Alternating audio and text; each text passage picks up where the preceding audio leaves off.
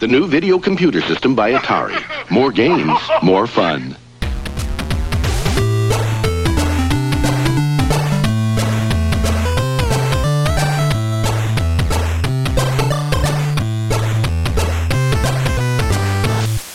Welkom bij Buttonbashers aflevering nummer 91. En toen ik dat net las, dacht ik niet van hoeveel af uitzendingen nog dat soort dingen. Maar dacht ik 91 is wel echt oud.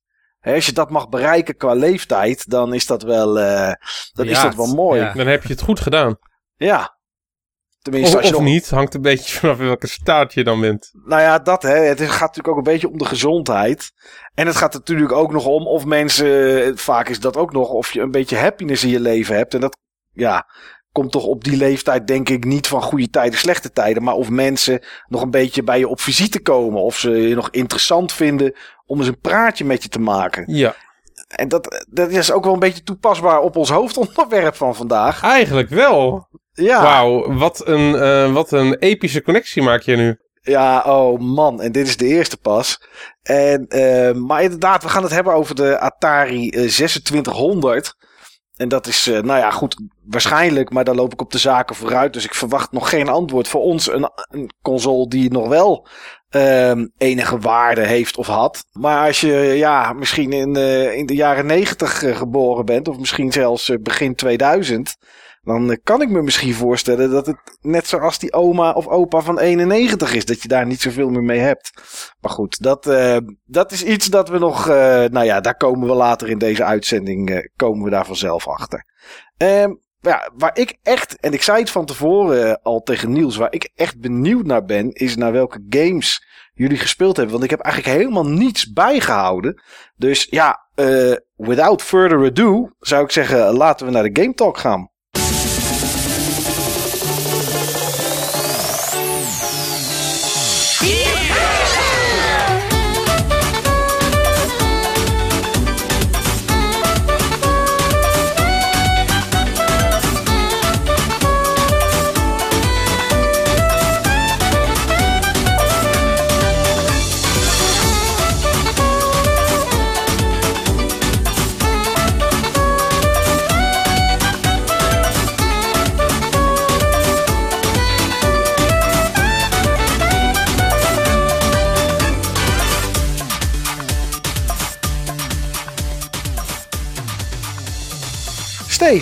Ja.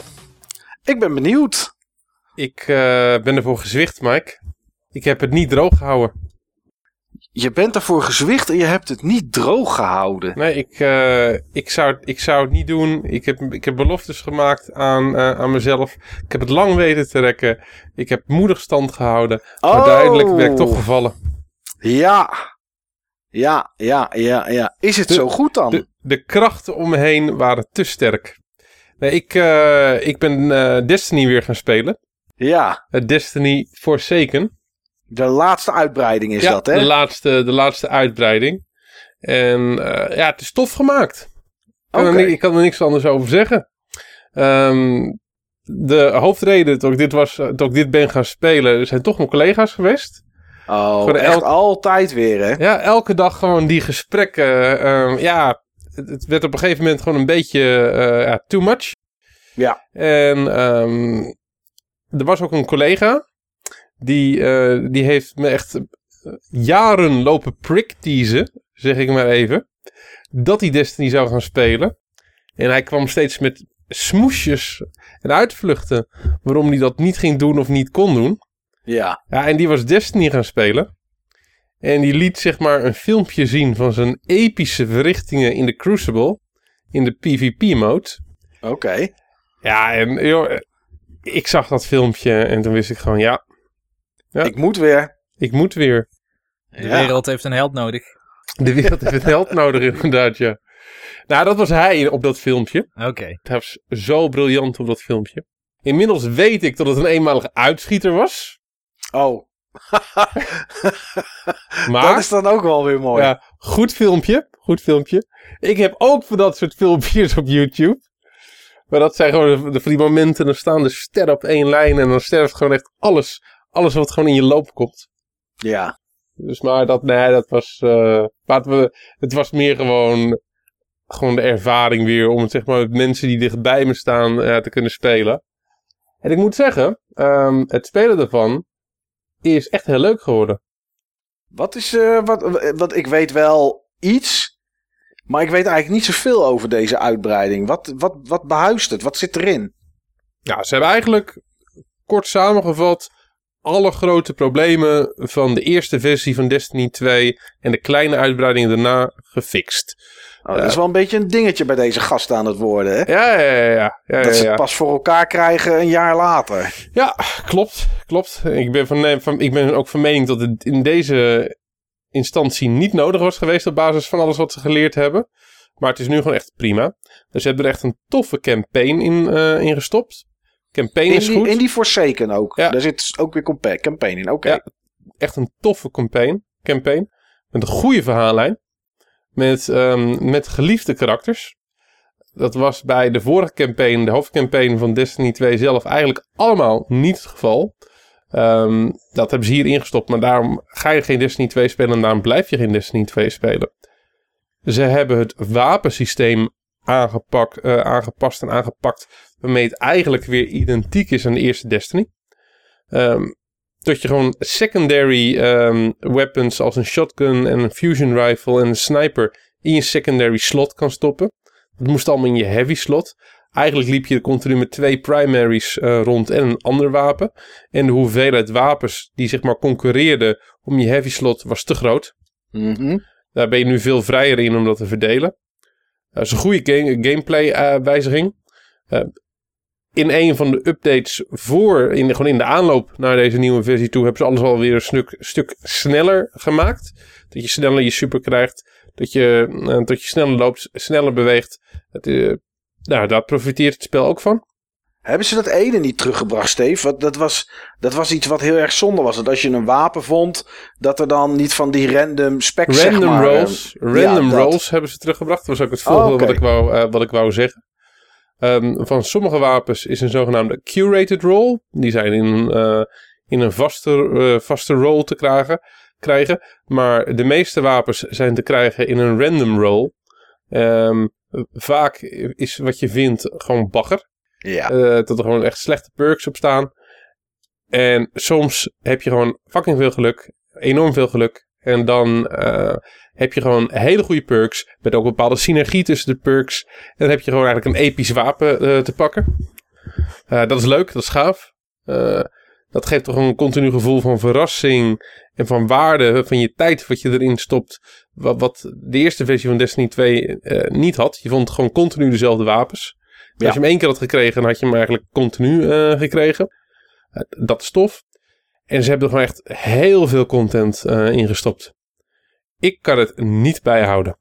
Oké. Okay. Ik kan het want, niet bijhouden. Ik kan op wat, dit wat moment... verandert er dan zoveel? Ja, zeg alle, alle, weekly, uh, alle weekly events, alle daily events. Er zijn gewoon echt heel veel dingen die je kan doen om Powerful Gear te krijgen. Heel veel locaties die uh, meaningful zijn. Heel veel dingen die je kan doen die tof zijn. Ik krijg het gewoon niet allemaal gedaan in een week. Klaar. Oké, oké. Okay. Ja. Zit er ook een nieuwe raid in? Of is dat ja, uh, nieuwe too raid. much? Nieuwe oh, raid. Daar ben ik nog niet aan toegekomen. Schijnt de beste raid tot nu toe te zijn. Oké, okay. en je bent nog niet toegekomen omdat je er nog gewoon nog geen tijd voor had? Of moet je weer aan bepaalde voorwaarden voldoen om er naar binnen te mogen en die heb je nog niet? Um, ik was twee weken geleden was ik aan die voorwaarden. Ja. Ik had ook een paar weken vrij gehad en ik had wat extra tijd om te spelen. Ik was nog een week ziek. Dus ik had gewoon extra tijd die ik erin kon steken. En ik liep achter. Maar ik weet gewoon heel goed hoe, ze, hoe het systematiek werkt. En hoe je zeg maar dingen een beetje in je geluk kan draaien. Zodat je wat sneller levelt. En ik heb daar gewoon gebruik van, uh, van gemaakt. En ik was eigenlijk, uh, eigenlijk was ik, uh, was ik in, in no time de tweede of de derde persoon uit onze clan. Die zeg maar op, op het vereiste power level, light level zat. Om die raid te gaan doen. Dus ik dacht, yes, ja, kijk, nu kan ik gaan raiden. Maar toen bedacht ik me, oh shit, ja. Die raid is wel met zes personen, hè? Ja. Dus dan kan jij wel aan het niveau uh, voldoen. maar inmiddels is het zo dat we met een groot deel van de groep op dat niveau uh, zitten. En uh, de, de raid dates langzaam maar zeker begint een beetje te komen. Oké, okay, oké. Okay. Dus we willen ons deze week eigenlijk voor het, voor, het, voor het eerst aanwagen. Oké, Ik spannend. ben heel benieuwd. Ik weet van die raid echt heel erg moeilijk eh, is. Eh kijkt er best van uit. Dat is voor, de, de raids zijn voor mij de reden toch wel eh, waarom ik Destiny echt tof vind. Al moet ik wel zeggen, ik heb nu nog geen, geen minuut in die raid gezeten. En ik heb echt heel veel plezier ermee gehad. Er is ook een, een dungeon bijgekomen. Eigenlijk is dat gewoon een, een raid, maar dan voor drie in plaats van, vier, eh, in plaats van zes personen. Oké. Ehm, dezelfde draait om mechanics. Heeft ehm, ten opzichte van de missies en dergelijke, heeft het checkpoints. Dat je hem ook gewoon in delen kan doen. Als ik gewoon kijk naar het gevoel wat het geeft. Het is gewoon een raid, maar dan voor drie personen. En die- zit, zit er als een dungeon dan ook nog een eh, bepaald light level dat je moet ja, hebben? of- ja, ja, ja, Oké, zeker, ja, zeker. En die dungeon die is zeg maar maar één keer in de drie weken te spelen. Oh. Ehm, Er is een zogenaamde, ja, op een van de gebieden, ik noem het even het endgame gebied. Zeg maar, al, al die werelden waar je zeg maar rondloopt, in, ik noem, noem even de vrije zone, Mhm. Ehm, dat is makkelijk. Dan ben je echt in no time boven het powerniveau. Nou, dan word je niet echt heel erg uitgedaagd zeg maar, door hetgeen wat je, eh, wat je tegenkomt. Je gaat eens een keer dood, maar dat is vaker door een onoplettendheid dan, eh, dat, dat, dan dat je gewoon zeg maar echt gewoon ja, overwhelmed eh, werd. Niet in die zone. Ehm, die zone is gewoon op een hoog niveau, eh, light niveau. Er zijn enorm veel tegenstanders, enorm veel sterke tegenstanders. Er is ook van alles en nog wat te doen. Ze hebben eigenlijk een van die open gebieden. Dat, dat is op, op zichzelf al een endgame. Daar was ook al heel veel vraag naar. Dat hebben ze ook altijd, eh, altijd gedaan. Hetzelfde waar die dungeon zich afspeelt. Hetzelfde waar die raid zich afspeelt. De zogenaamde Dreaming City. En ehm, in die Dreaming City is een curse ehm, eh, bezig. Ja. Die curse die loopt. En die curse die wordt zeg maar elke drie weken wordt die steeds erger. En wanneer die curse op zijn ergst is, dan is ook die dungeon beschikbaar. Oké. Oh, grappig. Ja, ze hebben echt eh, allemaal van dat soort dingen. En er is gewoon echt heel goed eh, op gereageerd. Ehm, een deel van de community noemt het Destiny. Omdat het de beste, omdat volgens hun de beste versie van Destiny tot nu toe eh, is. Oké. Daar kun je over twisten. Ehm, ik heb het zelf nooit actief meegemaakt. Dat was een punt dat ik een beetje was afgehaakt.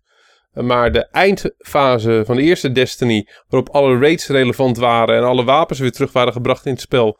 Dat is ook wel een, een versie van het spel waar gewoon heel veel liefde voor was. Omdat er toen echt vier raids actueel waren. En die raids waren gewoon heel goed in de eerste Destiny. Maar eh, ja, er is gewoon heel veel liefde voor deze versie. En het gaat echt wel de goede kant op. Oké, eh, netjes. Eén ding wat ik specifiek uit wil lichten. Mhm. Ehm, dat is waarschijnlijk hetgene waar ik het meest fan van ben tot nu toe, waar ik, eh, wat, ik, wat ik heb ervaren. Oh, dan dat weet is- ik het al. En dat is werkelijk waar briljant. Is echt briljant. Dat is een nieuwe PvE slash PvP mode. Dat is een combinatie van PvE en PvP. Die heet Gambit. Ja? Die heet Gambit. Oh ja, daar heb ik voorbij zien komen, die naam. Ja. En ehm, hoe dat werkt. Je hebt twee teams. Die beide zeg maar echt tegenover elkaar staan aan het begin van, eh, van, eh, van zeg maar de game mode. Wanneer alles wordt aange... eh, dan sta je in een soort van lobby. En dan kan je zeg maar een beetje, een beetje smack dansen tegen elkaar. Niet smack talken, maar smack dansen. Met al je... met al Gekochte je- emotes. met al je gekochte emotes. Oh, daar zal ik uh, zo meteen ook nog eventjes op terugkomen. Voor alle, alle honderd euro's aan emotes die ik erin heb gestopt. Ehm, maar zeg maar dat eh, wanneer die game mode start, je zit in een soort met van, ik noem het eventjes arena. Het is gewoon een, eh, een zone, maar ik noem het gewoon eventjes een arena. En midden in die arena heb je een bank. En in die bank, ehm, daarin bank je ehm, modes of light die je verzamelt vijanden, die arena die zit vol met vijanden. Die heeft een aantal zones. En er spawnen zeg maar vijanden ehm, om en om in bepaalde zones. En je moet die vijanden gaan, eh, gaan killen. En dan moet je zeg maar hun modes of light die ze, ehm, die ze dumpen, moet je gaan oppakken. En die kun je dan gaan banken. Je kan er maximaal 15 dragen. En op het moment van dat je zeg maar een ehm 5, 10 of 15 ehm, modes bankt, eh, komt er respectievelijk aan de andere kant van eh, bij het andere team komt een blokker. Er komt zeg maar een, ik noem het eventjes een, eh, een minibaas. Ehm, die ervoor zorgt dat er niet meer gebankt kan worden. Totdat je die, totdat je die minibaas hebt verslagen. Ah, oké. En als je de 5 doet, dan is het een mini, mini, mini baas. En dan Ja. doe je de 15, is het een mini baas, zeg maar. Ja. Klopt, klopt. En eh, die, die vijanden, op het moment dat je een beetje coördineert met je team, ehm, eh, ja, dan, heb je ze wel vrij snel dood.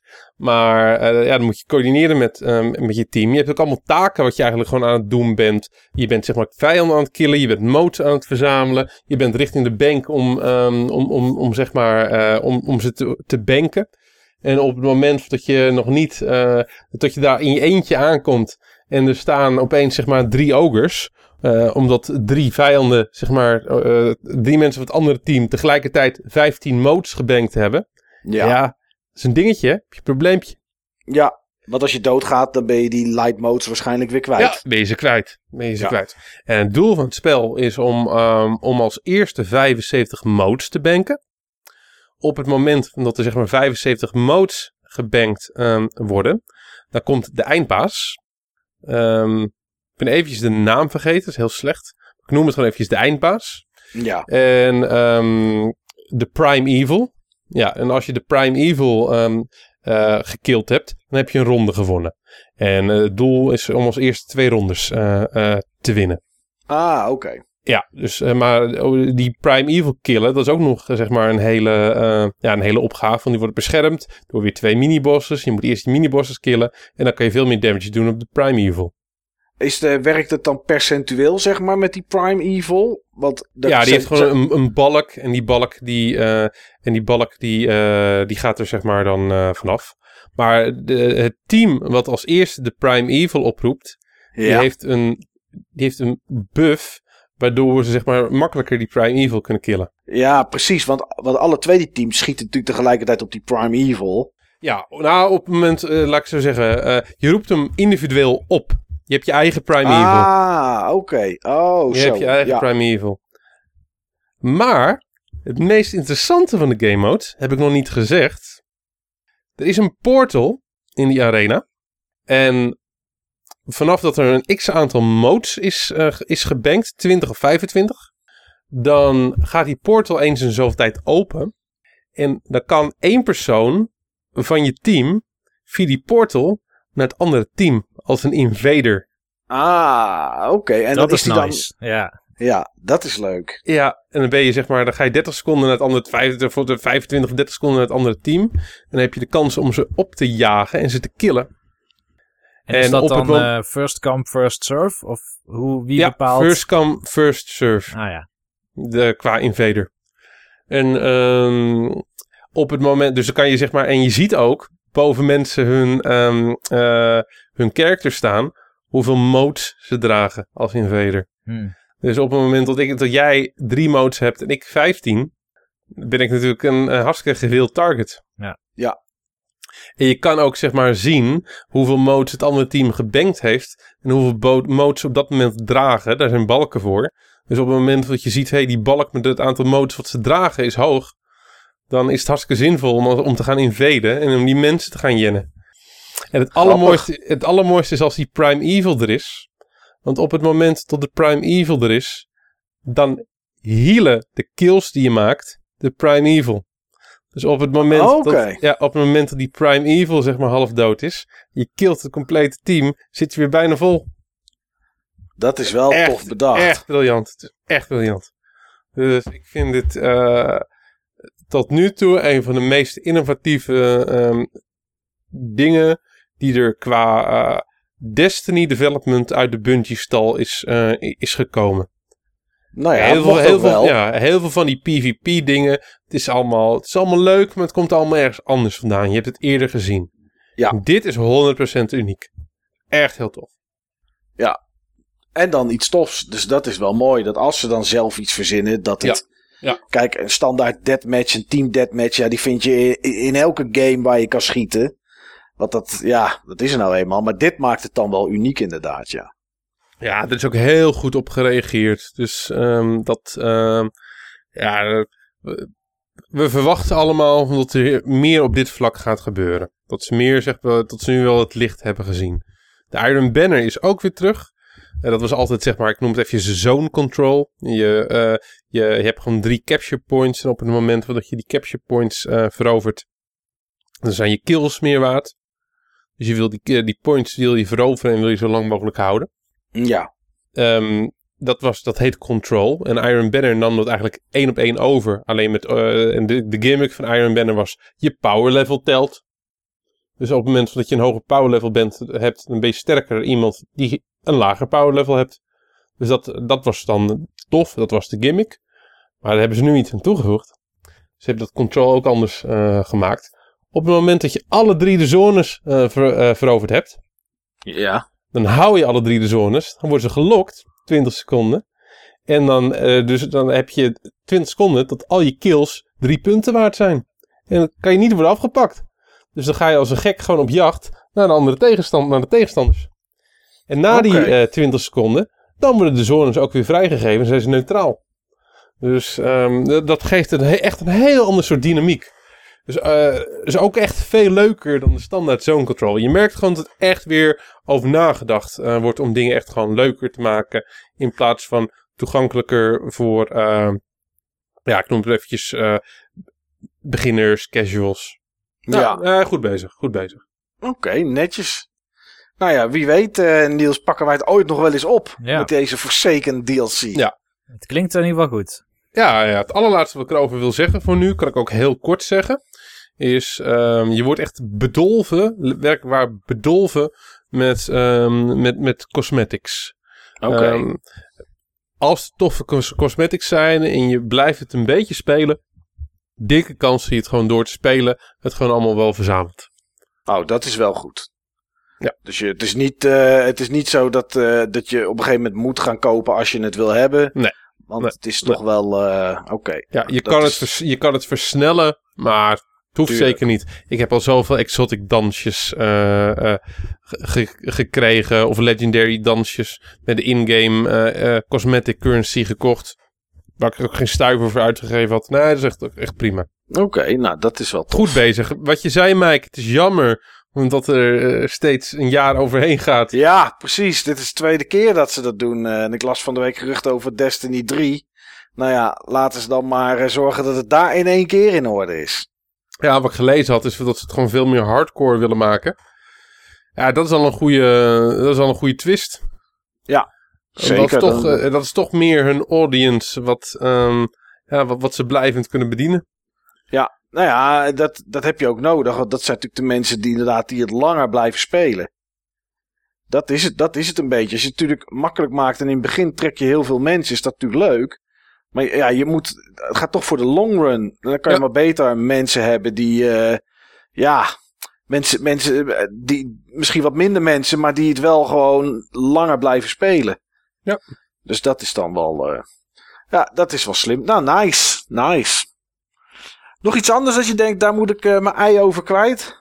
Dat ik het heel jammer vind dat ik de nieuwe Soul Calibur nog niet heb kunnen spelen. Oh, Soul Calibur 6, ja. Ja, ja dat ziet er echt tof uit en krijgt ook goede reviews. Ja, ik zag het inderdaad. Die ik hou ik eventjes in gedachten, maar heb ik, heb ik naast Destiny echt eventjes de tijd niet voor. Tijd is op dit moment uh, helaas een uh, schaars goed, ja. maar ik hou hem wel in gedachten. Ja, Nee, ik heb het ook niet gespeeld. Ik heb het wel gekeken. En toen dacht ik, oh, het ziet er wel tof uit. En toen dacht ik, nee, oké. Okay, uh, ik ga het niet spelen. Ik ben er te oud voor. Ik krijg die combo's niet meer in mijn hoofd. Dus dat is... Uh, en misschien ook de snelheid. Maar ja, goed. Ik kan niet alles hebben natuurlijk. Um, Niels. Ja. Wat heb je gespeeld? Nou, het is weer een tijd geleden dat we hebben opgenomen. Dus ik moest zelf ook even zoeken van wat heb ik ook weer gespeeld. Dan ik heb altijd aantekeningen van games die we spelen. En um, ja, mijn uh, vorige aantekeningen waren inmiddels alweer tamelijk oud. Maar een van de games die ik heb gespeeld, uh, eigenlijk sneller heb gespeeld en sneller heb uitgespeeld dan dat ik had verwacht, was uh, de Xenoblade Chronicles 2 DLC Torna the Golden Country. Zo. En dit is standalone, hè? Dus dit kun je in Nederland althans, of in heel Europa en in Japan, maar niet in Amerika heb ik gelezen, kopen op uh, cartridge. En dan zit er een code bij voor de Season Pass voor Xenoblade Chronicles 2. Uh, maar je kan hem dus ook spelen zonder dat je Xenoblade Chronicles 2 hebt of gespeeld hebt. Wat een ingewikkelde constructie. Dus je koopt de standalone DLC. Dat is vaak voor mensen sowieso al een beetje lastig om te begrijpen. Mm -hmm. En er zit er ook nog eens, uh, naast de kaart, zit er ook nog eens een code bij voor de Season Pass voor Xenoblade Chronicles 2, die hier niet bij zit. Dat klopt. Zo dat zeg klopt. ik het goed, toch? Ja. Ja, oké. Ik snap hem. Eh, Misschien trekt het wat mensen over de streep om Xenoblade Chronicles 2 dan nog te gaan aanschaffen en spelen. Maar ja, eh, precies. ja, dit is in ieder geval een game die eh, speelt zich 500 jaar voor Xenoblade Chronicles 2 af. En het haakt ook in op bepaalde delen van het verhaal. Maar het haakt eigenlijk in op dingen die je pas later in Xenoblade Chronicles 2 krijgt te leren. Jij was bij Uraya of zoiets heet die, eh, die Titan geloof ik. Ik weet het echt niet meer hoe het heet. Ik weet in ieder geval dat ik een heel lange trap op moest naar boven. Ergens. En ehm, daar stonden eh, twee of drie gasten mij op te wachten. En kreeg ik altijd een portie klappen. Maar je bent wel in die stad met die hele lange trappen bij, bij dat theater geweest, toch? Ja, daar ben ik geweest. Ja, en in dat theater daar laten ze een voorstelling zien van Adam. Dat is dan een soort mythologisch figuur van heel lang Klopt. geleden. ja, ja, En, ja dat ehm, heb ik gezien. Ja, eigenlijk een soort messias, zo zou je het kunnen zien. Nou, en Adam is een playable character in deze expansion. Oh, dat is leuk. Hij is niet Ja. per se het hoofdpersonage. Want je bent eigenlijk een, een club mensen. Zonder dat er per se iemand protagonist is. Als er iemand protagonist zou zijn, dan is het Laura. Dat is een, eh, een driver. Eh, en zij is de driver van Jin. Die je wel kent uit Xenoblade Chronicles 2. Maar ik zou dit samenvatten als een wat meer gezellige en kleinschalige take op Xenoblade Chronicles. Gezellig, hè? Een gezellige inderdaad, want het spel legt best wel veel nadruk op bonding van karakters binnen jouw team. Ah, oké. op die Dus er manier. zijn maar elf karakters. Eh, je begint met Laura en Jin, maar vrij snel ben je met een groep van negen of zo. En binnen, laten we zeggen, binnen zes uur denk ik wel dat je hele party compleet is. En daar blijft het ook bij. Dus het is niet zo dat je ook nog allerlei random blades of rare blades of zo kan farmen met van die, eh, wat waren het ook weer altijd, silver cylinders of zo. Ja. Dat God, is ik een weet... rare minigame, hè? En dan kon je dan eh, een nieuw karakter random uitkrijgen. Eh, maar ja, dat heb je niet je meer. maakte dingen open en daar zaten, dan, daar zaten ze dan in. Of in de, inderdaad, ja. Maar dat is wel weer even geleden. Ja, alsof je zo'n zo'n eitje, zeg maar, met, een, Mhm. met een gulden eh, uit Ja. zo'n automaat draait. En dan weet je niet wat erin zit en dan kreeg je elke keer een random poppetje. Ja, En, en het spel maakte daar best wel veel gebruik van. Dus soms moest je in die wereld ook, ik noem maar wat, een steen optillen of zo. Maar daar had je dan strength level 3 voor nodig. En dan moest je maar net poppetjes hebben die in ieder geval samen tot level 3 konden komen. Dus drie level 1 poppetjes waren ook genoeg. Maar ja, je moest ze wel hebben.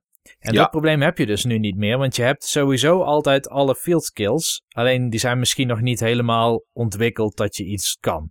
Maar het is in ieder geval overzichtelijk.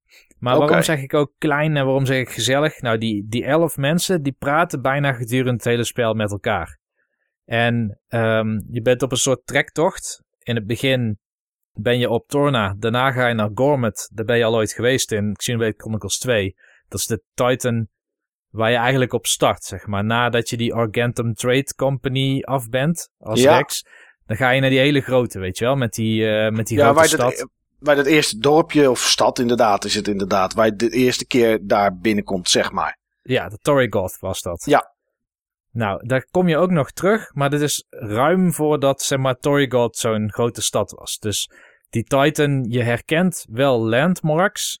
Je ziet wel dat het die Titan is, maar het is heel anders, omdat het een ander tijdsbeeld is. Het is ook mooier trouwens, want ze hebben de engine blijkbaar best goed geoptimaliseerd. Oh, Het dat is wel dus- mooi. Stuk scherper. Dat is wel tof. Ja. Ja. Dat zie je meestal niet met dit soort expansions. Nee, en het is ook jammer dat, dat de originele game dan niet gepatcht is om ook deze verbeteringen te kunnen doen. Misschien zit dat in die Season Pass. nee, Misschien, eh, ik denk het Het niet. zou wel slecht zijn hoor. nee, dat zal het ook Ja, niet. dat kan maar- niet joh. Dat, kan, dat kun je echt niet maken. Maar dit spel speelt zich dus maar af op twee Titans. Dus je hebt die, die, die Gormet. En je hoeft niet meer alles te verkennen. Wat je in de originele game wel moest doen. Maar een deel in ieder geval van Gormet. En je hebt Torna. Dat is eigenlijk de Titan die niet meer bestaat in Xenoblade Chronicles 2. Want die is ten onder gegaan. Hoe die ten onder gaat, daar gaat deze game dus ook over. Oké. Eh, een aantal karakters die zijn bekend. De, je komt een aantal blades tegen die je in het spel misschien al hebt gezien. Of jij misschien nog net niet. Maar wat wel cool is, dus is dat je met een groep van 11 bent en je hebt allerlei kleine tussenstations in de wereld. Het voelt iets lineairder aan. Het is niet van hier is een grote Titan, ga je gang. Helemaal aan het eind moet je een eindbaas verslaan en dan ga je naar de volgende Titan. Nee, hier heb je allerlei sidequests die steeds jou heel concreet naar of een nieuw dorpje sturen of naar een stad. Maar je komt ook onderweg langs kampvuurtjes, waar ook NPC's weer staan. Ja. Eh, en bij die kampvuurtjes, daar kun je een aantal dingen doen. Je kan daar rusten, wat een soort in is in de originele game. Dus dan kun je jouw XP uitcashen. Oh ja. Eh, of je kan dingen maken. En al die karakters, zeg maar, die je meeneemt, die elf, die hebben allemaal een soort specialiteit. Dus bijvoorbeeld Lin, of Lin, eh, eh, Laura, die kon volgens mij eh, koken. En Mithra, dat is ook een karakter dat in Xenoblade 2 zit. Die kan ook koken, alleen die maakt hele slechte gerechten. Oh. En je hebt ook nog iemand, volgens mij Jin, die kookt ook of zo. Maar je hebt ook iemand die maakt sieraden. Je hebt iemand die maakt accessoires. Dus je hebt allerlei dingen die je kan craften van alles wat je in de wereld vindt. En je hoeft dus ook zelden nog maar dingen te kopen in het spel. Want eigenlijk bijna alles wat je nodig hebt, dat kun je craften. En ehm, op dat kampvuur, het derde ding wat je nog kan doen, is eigenlijk na elke storybeat die je mee hebt gemaakt, hebben karakters wel weer iets nieuws te zeggen. Oké. En dat is een beetje net zoals de nieuwste Fire Emblem games. Dat elke keer als je een missie hebt gedaan, dan heb je een soort party chat. Nou, dat hebben ze hier ook. En dan gaan gewoon een aantal karakters, die gaan dan overleggen wat ze vinden van de missie of van het verhaal tot nu toe. En dat is ook cool gedaan. Zeg maar. Dus het heeft meer cohesie dan Xenoblade Chronicles 2. En ik begin er ook naar te neigen dat ik dit leuker vind dan Xenoblade Chronicles 2. Oké. Omdat, het, omdat het wat meer te behappen is of zo? Of wat gestructureerder? Of... Gestructureerder en overzichtelijker. Ja. Dus minder poppetjes, dus je hoeft minder fine te tunen, zeg maar, voor battles. De battles zijn grotendeels hetzelfde als dat ze eerst waren. Dus nog steeds heb je dat, eh, eh, wat is het, volgens mij toppel, eh, smash en launch en, en nog iets. Ja. Break, break was het, break, toppel, launch, smash. Dat was de volgorde. Eh, dat is veel makkelijker om te doen, want je hebt altijd al je drivers en blades bij je. Ehm, er is niet meer een heel duidelijk verschil tussen driver en blade. Dus je kan ook een blade zijn. En dan wordt je driver juist een support character. Oh, dat is wel grappig. Ja, dus hier kun je met Jin spelen. Dat is een Hmm. blade van Laura en je kan ook Jin zijn. En elke karakter in deze game heeft eigenlijk twee, zeg maar, abilities of twee skill eh, lists, zal ik hem maar even noemen. Eén actieve en een supportive. En welk karakter je ook bent, als jij zeg maar vooraan staat en je, en je slaat, of je schiet of zo, dan ben je dus actief. En het karakter, de blade of de driver die aan de andere kant van die influence line zit, die je altijd had, die, eh, die doet dan support skills. En het zijn meestal buffs of zo. En je kan dus actief switchen tijdens het battle systeem tussen jouw blades en jij als karakter. En dat is ook een manier om te healen. Dus dan krijg je wat health weer terug. Oké, als je switcht krijg je wat health terug. Ja. Oké, grappig. En ook nieuw is, ehm, je had altijd al wel dat je eh, van die orbs kreeg. Dus als je bepaalde elementen opvolgde met special attacks, dan, eh, dan had je bijvoorbeeld eh, doe eerst water en dan vuur en dan bliksem of zo. En dan, dan Ja, kreeg je ja, iets ja. speciaals. En op het moment dat je dat hier ook doet, maar je breekt alle orbs, dan krijg je een overkill mode of zoiets. Ik weet niet meer precies hoe ze het noemen. En dat is eigenlijk best wel leem geïmplementeerd, maar je krijgt dan heel veel ehm, quicktime events achter elkaar. Dus alle karakters die gaan dan heel snel achter elkaar allerlei aanvallen doen, zonder dat jij iets hoeft aan te geven van doe dit karakter of doe deze aanval. Dat doen ze allemaal automatisch. Maar dat is meer om een soort eh, ja, coole climax of zo aan, eh, aan de battle te geven. Oké, oké. En dat is, zijn dan weer diezelfde quicktime events met van die rondjes die kleiner worden dat je op het juiste moment moet drukken. Ja, precies die. Ja, ja. Hey, als je nou Xenoblade Chronicles 2 gekocht en je had al wel die Season Pass. Zit deze DLC daar dan bij in of is dit altijd kopen? Nee, die zit er dan al in.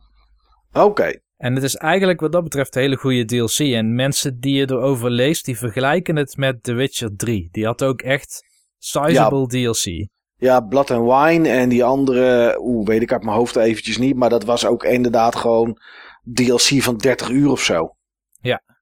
Deze game is denk ik, ik heb er dacht ik 25 of 26 uur over gedaan. Ja, dat is eh, behoorlijk. Ja, zeker.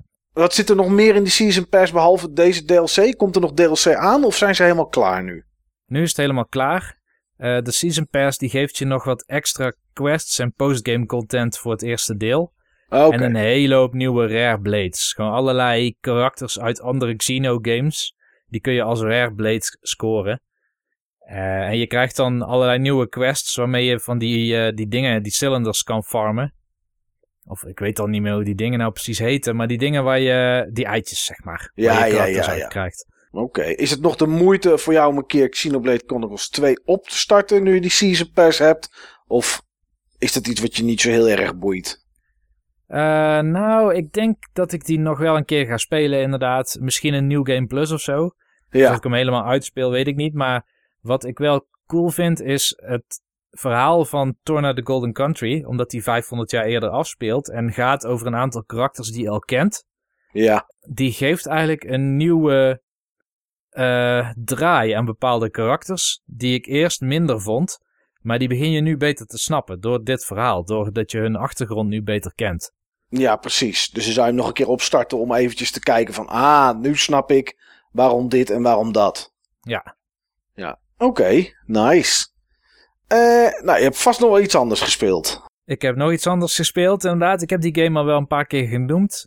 Maar die heb ik nu uitgespeeld. Ik heb door moeten zetten, dat moet ik wel vertellen. Eh, ik zit hier op te wachten.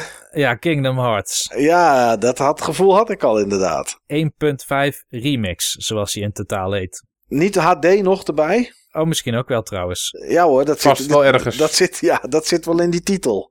Oké. In ieder geval, eh, het zit op zo'n collage disc van Square Enix. Er zit dan ook 2.5 bij. En een remake van eh, Chain of Memories. Maar dat zijn En- alleen de video's, of niet? Of staat Chain of Memories er wel op en van een andere alleen de video's? Ja, Chain of Memories staat er wel op, maar dat was eigenlijk de Game Boy Advance game. Die hebben ze echt nu Ja. in 3D helemaal opnieuw gemaakt. En dan heb je eh 356 gedeeld door zoveel. Dat is een Oh, DS-game. ja. En dat is inderdaad nu drie uur film. ja, ja, inderdaad. Nou, je zegt ik heb hem er doorheen moeten slaan of moeten worstelen. Of was het aan het einde en dan terugkijken op inderdaad echt zo erg? Er zitten echt hele irritante dingen in het spel, maar ik denk onder de streep heb ik het nog best wel van kunnen genieten. Oké. Dus ik wil er niet te negatief over doen. Ook vooral omdat bijvoorbeeld ik speelde begin dit jaar eh, Final Fantasy Mystic Quest. En die game wordt helemaal de grond ingeboord. En ik zei nou het valt wel mee. En Kingdom Hearts wordt heel erg geprezen. En dan ben ik geneigd zeg maar om dat dan te compenseren met nee het is eh, helemaal niet goed. Maar eh, het is wel op zich wel een goede game. Alleen hij is niet zo goed oud geworden.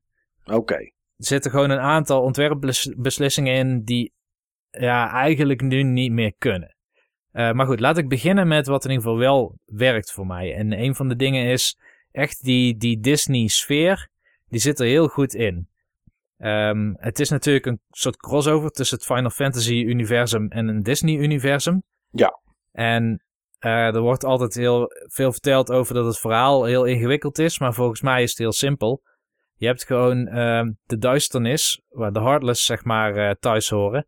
Die manifesteert zich in de wereld van Final Fantasy en de Disney-werelden door sleutelgaten.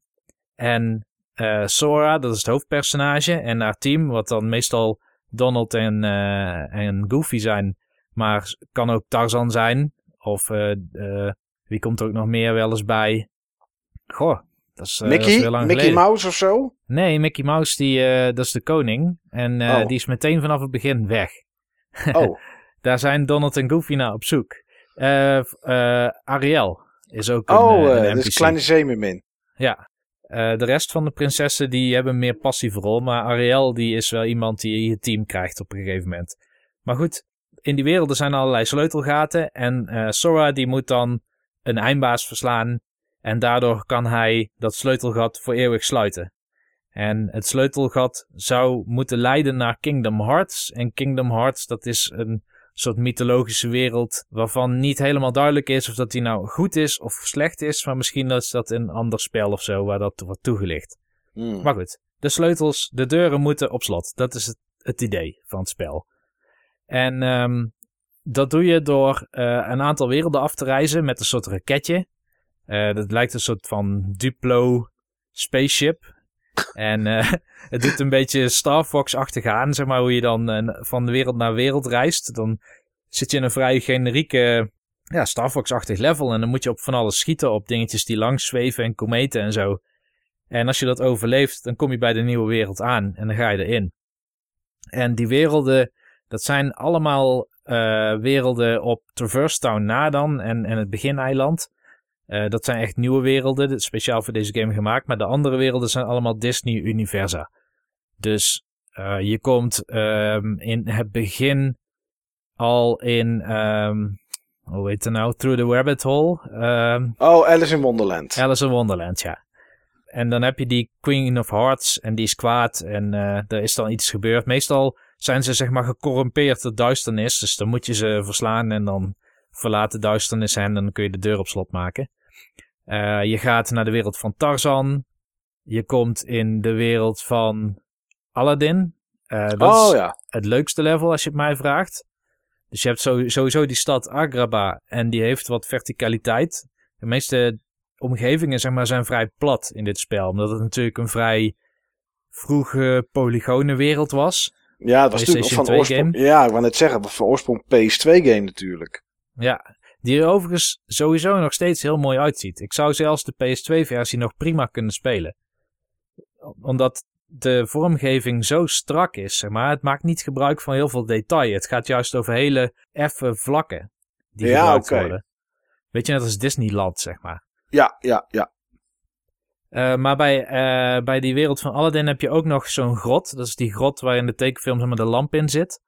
En dat voelt wel aan als een echte dungeon. Dus met allerlei uh, gangen waardoor je moet navigeren. En uh, soms rollende stenen of zo waarvoor je moet uitwijken. Het voelt een beetje als een Zelda-achtige dungeon.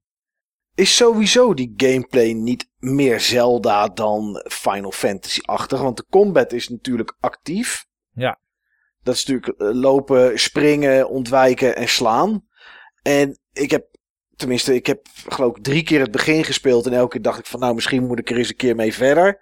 Maar ik had ook nog niet echt het gevoel dat het heel zwaar leunde op hele diepe en, en, en ja, zware conversaties.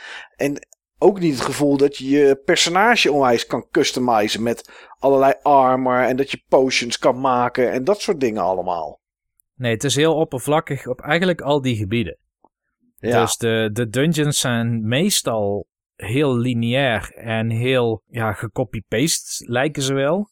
Uh, Ja. Maar ik vind dan Agrabah een, een duidelijk uh, uitzondering daarvan. En je hebt zeg maar die boot van die piraat van Peter Pan, kapitein Oh ja. Haak. Kapitein Haak, ja. Ja, dat is ook nog wel echt een omgeving, zeg maar. Die zou kunnen kloppen in je hoofd. Dus dat is niet te veel copy-paste. Maar je hebt ook veel omgevingen, bijvoorbeeld het bos van Tarzan. Uh, daar zie je een boom wel duizend keer staan, bijvoorbeeld. Ja, precies. elke keer dezelfde boom. En, en zo heb je wel meer werelden waar dat het geval is. Uh, Maar ondanks dat het niet zo'n ingewikkelde levels zijn, maakt die grot van Aladdin wel een goede indruk.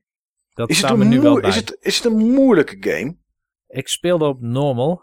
Um, dan is het best soms tricky, maar het is niet echt moeilijk. Kijk, Sora die, uh, die gebruikt de Keyblade om mee te slaan. Ja. Je hebt wel op een gegeven moment verschillende Keyblades om uit te kiezen, maar het blijven altijd Keyblades.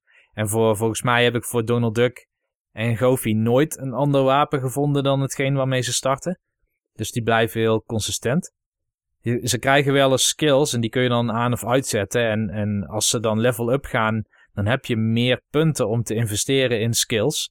Dus dan bouw je je skill tree zeg maar uit. En eh, als NPC eh, neemt de AI zeg maar hun gedrag over en die gebruikt dan hopelijk die skills op de juiste manier.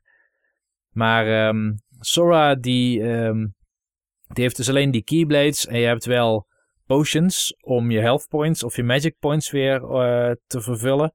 Maar je hebt inderdaad niet hele ingewikkelde systemen eronder liggen of zo. Geen verschillende armors. Het is allemaal wat, wat eenvoudiger. En de combat vond ik in het begin frustrerend. Het is gewoon vechten tegen bullet sponges. Of ja, wat is het? Damage sponges. Ja. En eh, het duurt soms echt super lang voordat een eindbaas neer is. Toen kwam ik er later achter dat je dus een skill hebt om een eh, HP-bar te zien. Oh, Het staat standaard uit. Maar dat is een Maar- skill. Dat is een skill inderdaad. En dat hielp wel. Ehm, een aantal bazen zijn redelijk te cheesen. Eh, je, hebt, je hebt bijvoorbeeld Ursula. Dat is die... Ja, die is van eh Eh, nee, ik bedoel Die. eigenlijk Ursula van de Kleine Zeemermin. Oh, oh, die andere heet helemaal geen Ursula van 101 Die heet Dalmatiërs. Cruella. Cruella, ja. Oh, je bent wel goed eh, into Disney nu, Niels. Nou, inderdaad. In ieder geval die tijd, toen was ik heel erg into Disney. Dus die herken ik wel, die figuren. Oké, ja. Maar je hebt Ursula en zij zweeft. Je hebt een aantal zwevende eindbazen, maar al die eindbazen die zijn min of meer hetzelfde. Dus ze hebben wel moves die net anders zijn, maar de tactiek die je zou gebruiken werkt bij alle eindbazen. Namelijk gewoon achter hun nek gaan zitten en elke keer in hun nek blijven slaan. En op het moment dat ze een soort area of attack attack willen doen, dan zweef je weg. Oké. Want je Ja. hebt namelijk, eh, ja, onder water kun je natuurlijk sowieso zwemmen. Maar bij de Peter Pan wereld leer je ook om te vliegen. Ah, oké. En ehm, de andere eindbazen. Je hebt bijvoorbeeld Riku, dat is jouw, eh, jouw rivaal. Dat is eigenlijk een beste vriend in het begin van het spel. Alleen hij wordt gecorrumpeerd. Dus hij wordt een soort rivaal in het spel. En dan is het echt een button mash festijn. En eh, als jij, denk ik, een te moeilijke hoogte, eh, wat is het, moeilijkheidsgraad hebt staan, Ja. dan moet je best wel goed kunnen dodgen. Dan wordt het wel een best actieve actiegame. Die best wel iets van je vraagt ook. De vraag is nu, als het veel van je vraagt, is het aan het einde van de rit het dan ook zo voor jou geweest dat die game ook genoeg gegeven heeft? Het einde had eigenlijk de game zo goed als helemaal verstierd voor mij. Oh, Want dit spel doet aan het einde alles wat ik haat in zo'n type spel. alles. Bijvoorbeeld vijf eindbaasgevechten achter elkaar. Zonder een moment om te saven tussendoor of überhaupt om je skills anders in te stellen of misschien een potion te pakken. Want het is eindbaas, cutscene, eindbaas, cutscene, eindbaas, cutscene, eindbaas. Ah ja, dat hebben we een keer eerder gehoord eh, met oud en nieuw. Ja? Oh, oké. Ja, welke game was dat ook alweer? Chrono Trigger of zo? Die je toen dat ging spelen. Samen met uh, Nesrunner. Secret of Mana was dat. Oh, Secret Ja. of Mana was dat. Dat was ook eindbaas na eindbaas na eindbaas. Ik denk dat Kingdom Hearts de Secret of Mana van de PlayStation 2 is. Oké. Oh. Dus het, het is zo'n game, zeg maar, die, alle, die heel veel dingen heel goed deed. Die heel mooi was, die heel goed was in heel veel opzichten. Maar eigenlijk nu heel erg achterhaald speelt. Ja. En dat, dat eindbaas na eindbaas na eindbaas is daar één voorbeeld van. Een ander voorbeeld is, eh, zonder goede reden, wordt een partymember of allebei gewoon van je weggenomen. Net voor een heel belangrijk gevecht. Daar heb ik ook een hekel aan. Dat gebeurde mij bij Dragon Age Origins. Daar ging Morgan weg. Nou, dat, dat was super vervelend, want mijn hele strategie in die game, die was gebouwd op dat karakter. Dan was je te veel een goody two-shoes, eh, Niels. Ja, wie weet, inderdaad. Ik weet niet wat, je, Oh. wat ik had moeten doen, maar... Nee, weet ik ook weg. niet. Weet ik ook niet. Je, je kon er op meerdere manieren verliezen, je kon er op meerdere manieren houden. Ah, oké. Ja, heb ik misschien toch een verkeerde keuze gemaakt. Ja. Maar ja, het nadeel is, als je er niet aan ziet komen... en het gebeurt allemaal na de point of no return... ja, dan kun je daar niet zo heel veel meer mee doen. Nee, snap ik. En dat heb je dus hier ook. Partymembers weg. eh, en nou is het niet zo erg als bij Dragon Age Origins. Want je hebt maar een paar partymembers om uit te kiezen. En als ze weggenomen worden, dan is het spel wel gebalanceerd voor jou alleen. Want dan ben je alleen nog maar Sora met zijn melee attacks en wat magic attacks. Maar eigenlijk kwam elk gevecht richting het einde neer op ehm, probeer, hopen dat Donald en Goofy niet afgaan door ze een arrow spel te geven. Dan krijgen ze iets meer defense. Hen zoveel mogelijk te laten doen. Eh, ik had een soort skill geactiveerd waardoor ik magic power terugkreeg over tijd. Zodat ik de hele tijd iedereen kon blijven healen. Eigenlijk was ik gewoon heel passief. Ik Ja. stond juist op een afstand om niet geraakt te worden. En ik stond mezelf steeds te healen. En de NPC's ook. En soms was ik vijf minuten aan het wachten, want dan was Donald af. En ze reviven na een tijdje automatisch. Tot hij weer leefde. En dan ging ik weer full in mijn supportrol. Oké, je was eigenlijk een soort klerk, was je dus. Ik was een soort klerk inderdaad. En dan heb ik heel af en toe een eindbaasgevecht moeten doen waarin ik van rol moest veranderen. Waarin ik dus recht tegen de eindbaas moet vechten. En dan had ik weer het gevoel dat ik een Souls game aan het doen was. Maar dat was ook omdat ik gewoon niet was ingespeeld op melee in het Ja. spel. Maar goed, uiteindelijk, zeg maar, nu ik het uitgespeeld heb, denk ik ja, het was me mijn tijd op zich wel waard. Ik was gewoon altijd heel benieuwd naar deze game en waarom het ook zo gewaardeerd is. En ik zie wel die aspecten ook. Ik denk dat het nog wel even zal duren voordat ik een vervolg speel, als ik dat überhaupt ga doen. Ja, precies. Je staat niet te springen, zeg maar. Je denkt niet van, ik moet het snel doen voordat deel 3 uitkomt. Nee, dat was denk ik wel mijn intentie ooit om een Kingdom Hearts 1 weer te gaan spelen. Maar als Kingdom Hearts 3 een betere versie is van Kingdom Hearts 2, dan heb ik nog steeds een hele lijst games die ik liever ga doen. Oké, nou ja, dat is duidelijk dan inderdaad. Ja, Ja. dus die twee titels, eh, daar hou ik het nu even bij. Oké. En jij, Ehm, Mike? Ja, ik eh, heb een, een oude en een nieuwe game. En eh, die oude is eh, nog steeds in het kader van eh, Make Mike Play. Ik had wederom op het forum een, een poll neergezet. Daar zaten drie games in. voor de PS1 uiteraard. En daar mochten mensen uit kiezen. En ditmaal was het eh Akuji the Heartless. Final Fantasy 6 en World Championship Snooker. Nou, het forum kennende was ik bang dat ik eindigde met World Championship Snooker. Maar eh, eh, gelukkig was dat eh, niet het geval. Ik hoopte eigenlijk zelf stiekem op Final Fantasy 6. Maar ik begreep Niels dat jij vanwege technische redenen van die game in ieder geval op iets anders had gestemd. Ja, dat Toch? was puur omdat de laadtijden tussen gevechten gewoon heel lang duren op de PlayStation 1. Ja, dus ehm, achteraf was ik daar dan toch stiekem wel blij mee. En het werd Akuji the Heartless. En dat was een titel die ik ken. Ehm, ik, ik kan ook zo het hoesje kan ik me voor de geest halen. En ehm, ja, ik, ik had het alleen nog nooit gespeeld. En nu dus wel. Het is een eh, game van Idols, een beetje uit de tijd van eh Tomb Raider. En eh, ik bedacht me later ook pas dat het, wat ik had in mijn aantekeningen gezegd, dat het een beetje Tomb Raider-achtige sfeer heeft. Nou, toen dacht ik later, ja, natuurlijk. Dat is niet zo heel erg vreemd. Want het komt, komt ongeveer uit dezelfde koker. Ehm, wat is het? Akuji the Heartless is een 3D-platform actiegame.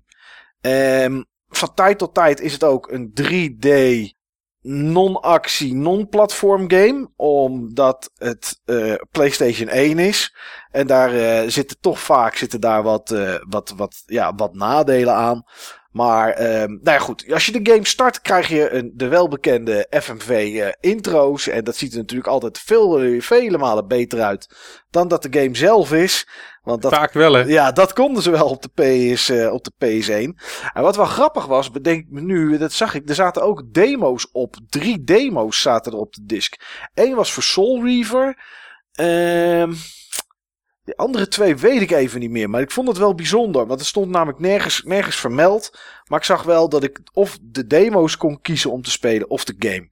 Nou, als je de game start krijg je dus, wat ik net zei, zo'n mooie, zo'n mooie intro. Waarin uitgelegd wordt dat jij, eh, eh, nou ja, dat je eigenlijk een soort eh, expert bent in wapens en in voodoo. En je gaat met eh, dame X, misschien hebben ze de naam gezegd. Ik heb de intro drie keer bekeken, maar ik kon hem niet, eh, ik kon hem niet gadeslaan. Ehm, zou jij gaan trouwen, maar op dat moment werd, jou, eh, werd jouw hart eruit gerukt. En nou ja, kan je iets bij voorstellen dat dat niet echt een ideale situatie is voor een bruiloft. En ehm, ja, jij bent naar, het, naar de onderwereld toe verbannen daardoor. En nou ja, vandaar de naam The Heartless. Eh, de dader van dit alles blijkt nadat je één leveltje hebt uitgespeeld, is je broer. En eh, niet die van het rappen, zeg maar, niet die van DJ Paul, maar gewoon echt, echt je broer. En ehm, het is aan jou om de onderwereld te zuiveren van jouw voorvaderen, want het waren slechte voorvaderen. En ehm, op het moment dat je dat doet, zeg maar, dat zijn een soort zielen die in die wereld te vinden zijn. Op het moment dat je er een x aantal hebt, dan kan je naar de eindbaas van dat, eh, van dat stukje level. En heb je die verslagen, dan ga je door. Waar het een beetje op lijkt qua hoe het eruit ziet, qua structuur lijkt het een beetje op Crash Bandicoot, zeg maar. Je staat in een cirkeltje, je hebt eh, wat deuren die gaan om en om open. Als je door de levels heen bent en je hebt genoeg van die ancestors, eh, die ancestor souls heb je verzameld, dan gaat er een deur open voor de eindbaas. Nou ja, en als je die verslagen hebt, dan, dan ga je door. Ehm, wat de game is, is echt een, een verzamelmarathon. Ehm, het is, zoals gezegd, 3D platform. En het grootste probleem bij deze game, en daar kwam ik. Uh, ja, ik ging door een soort rollercoaster heen eigenlijk, jongens, tijdens het spelen. Ik begon en het eerste wat ik zag en deed was analoog aanzetten, want de game heeft ondersteuning voor analoog games. Nou, met de rechterstick kan je prima lopen zoals je gewend bent uit alle, uit alle 3D games eigenlijk die er zijn. En ik probeerde met mijn, of met mijn linkerstick is dat natuurlijk om te lopen. En met mijn rechterstick probeerde ik de camera te draaien. En dat gaat niet. Want de camera draai je met L1 en R1. Je kan er ook voor kiezen om daar L2 en R2 van te maken. Maar eh, geloof me, dat maakt het er niet echt beter op. En de camera draait langzaam wel achter je aan als je een tijdje stil blijft staan. Je kan ook op R2 drukken dat de camera zich achter jou positioneert. Maar daardoor is het platformen eigenlijk gewoon helemaal niet prettig. En dat, is, dat maakt het echt zonde, want dit is nog steeds een game die best leuk is om te spelen. Uh, het eerste wat ik dus dacht was van, ah ja, hier, dit kan ik echt niet spelen. Zelf meedraaien met links 1 en rechts 1. En dat gaat dan ook niet heel snel, dat gaat best wel langzaam.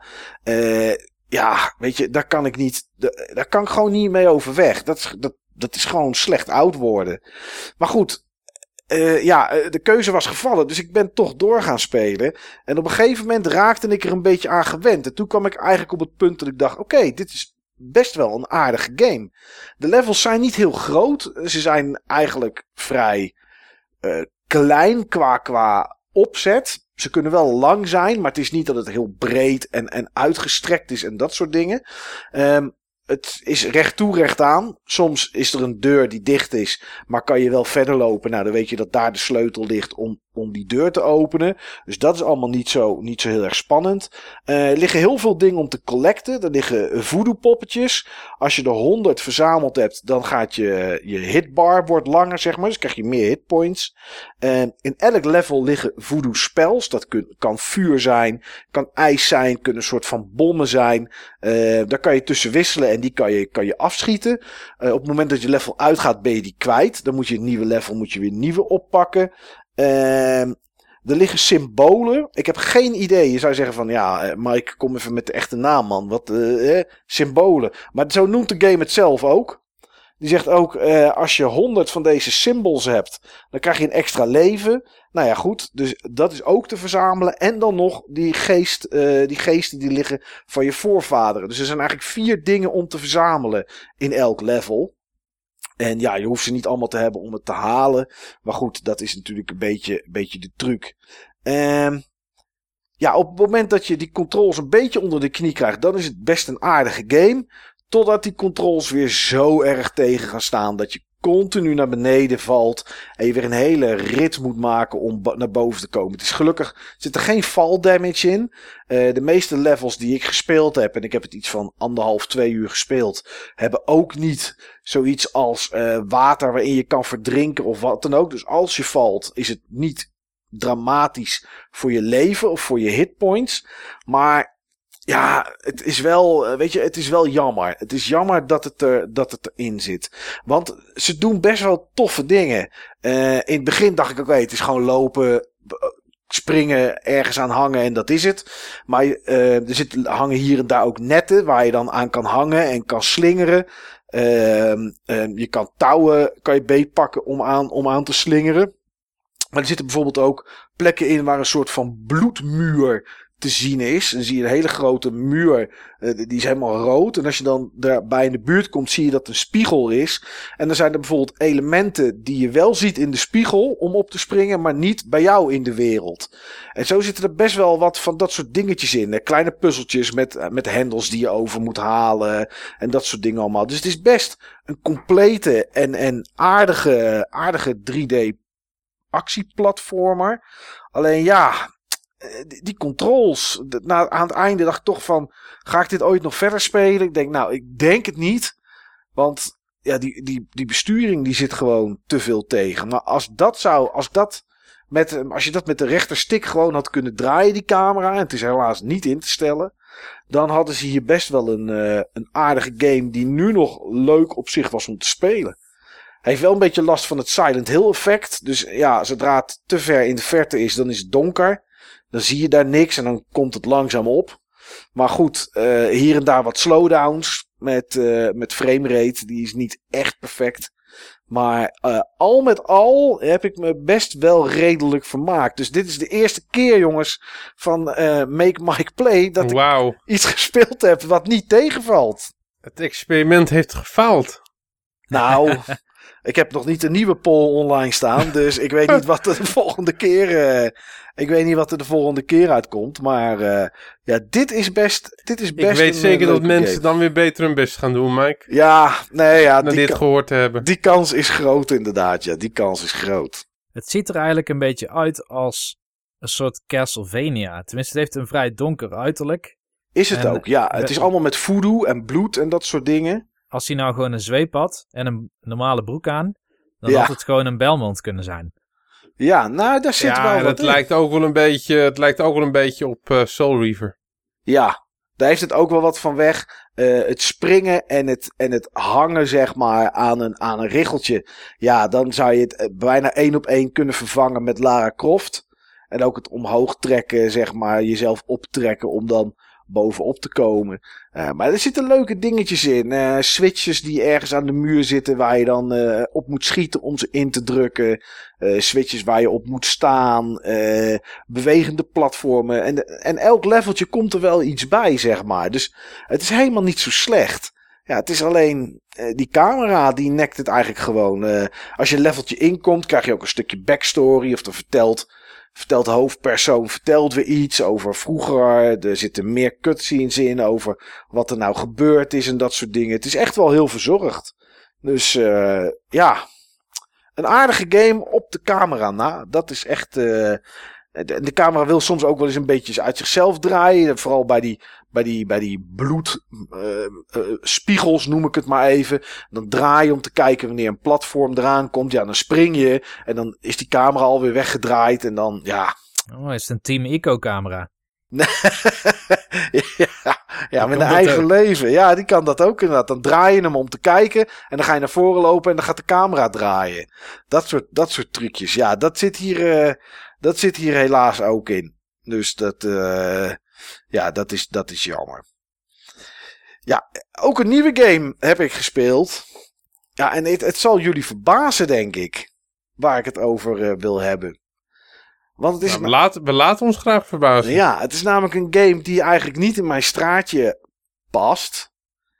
Ehm, wat ik ook, ik heb terug zitten kijken, echt heel lang geleden voor het laatst gespeeld heb. En het heeft ook iets, Steve, dat Control heet.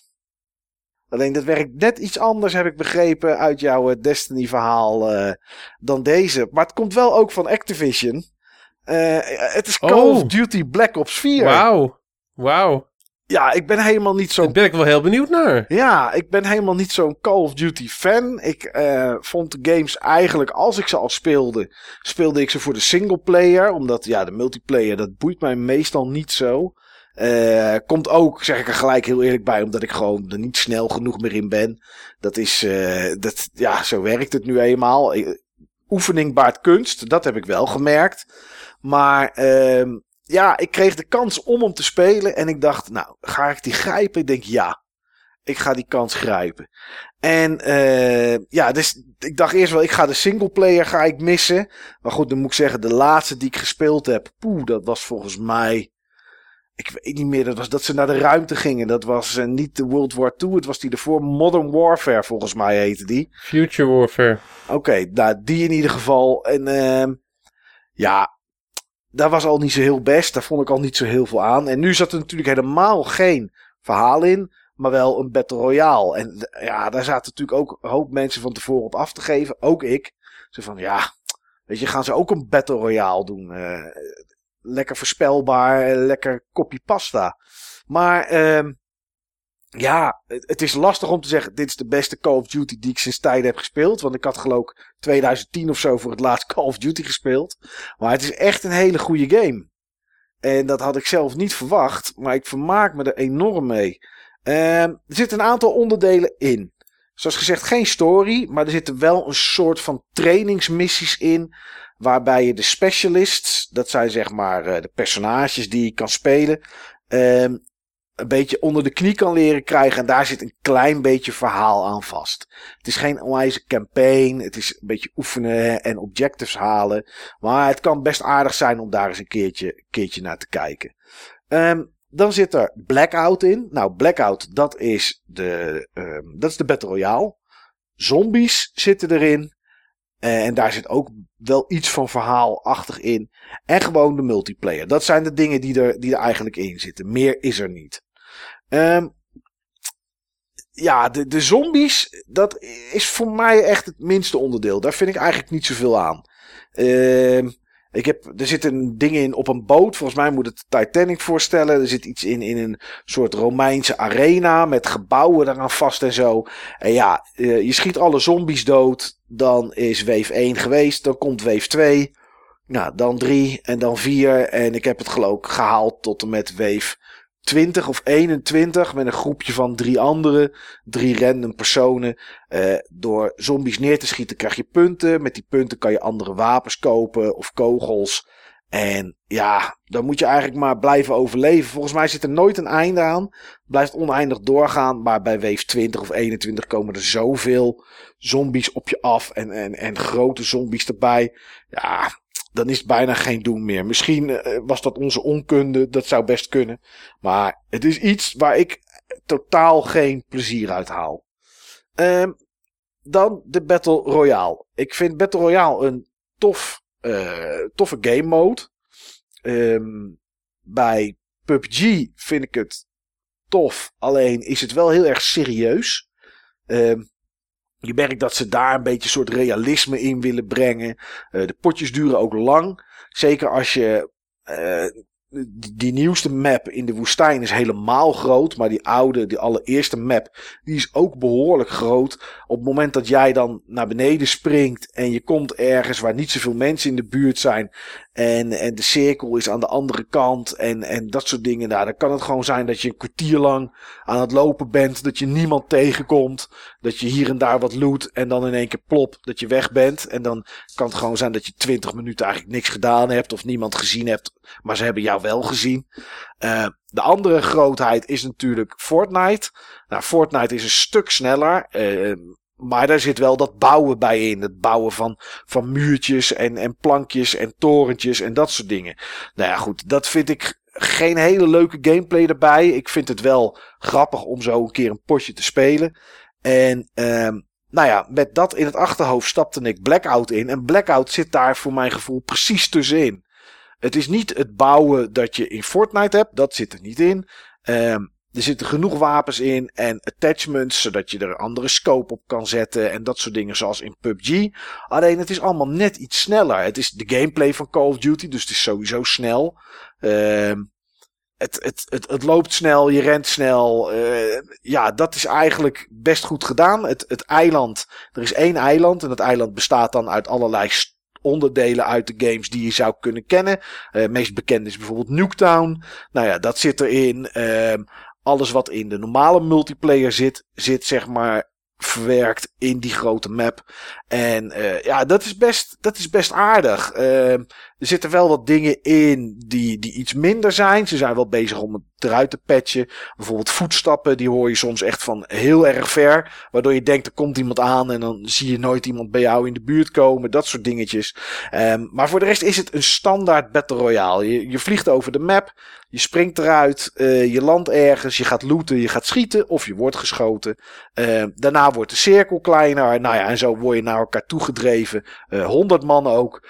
En ja, dan is het de bedoeling dat je, dat je overleeft. Uh, ik denk op dit moment de meest interessante Battle Royale om te spelen. PUBG zie je al sowieso minder worden gespeeld. Uh, Fortnite verliest ook een klein beetje zijn, fanbase, zeg maar. Dat app nu na iets meer dan een jaar appt dat toch langzaam wel een beetje weg. Ondanks dat ze het wel proberen om het nog eh, relevant te houden. Ik las gisteren of vandaag zelfs dat Ninja, dat is de grootste streamer ter wereld op dit moment, ehm, dat die op oud en nieuw op Times Square 12 uur lang Fortnite gaat spelen. Die gaat voor, al Fortnite spelen het nieuwe jaar in. Dan zal hij vast van Epic en van de stad New York een hele hoop geld mee verdienen.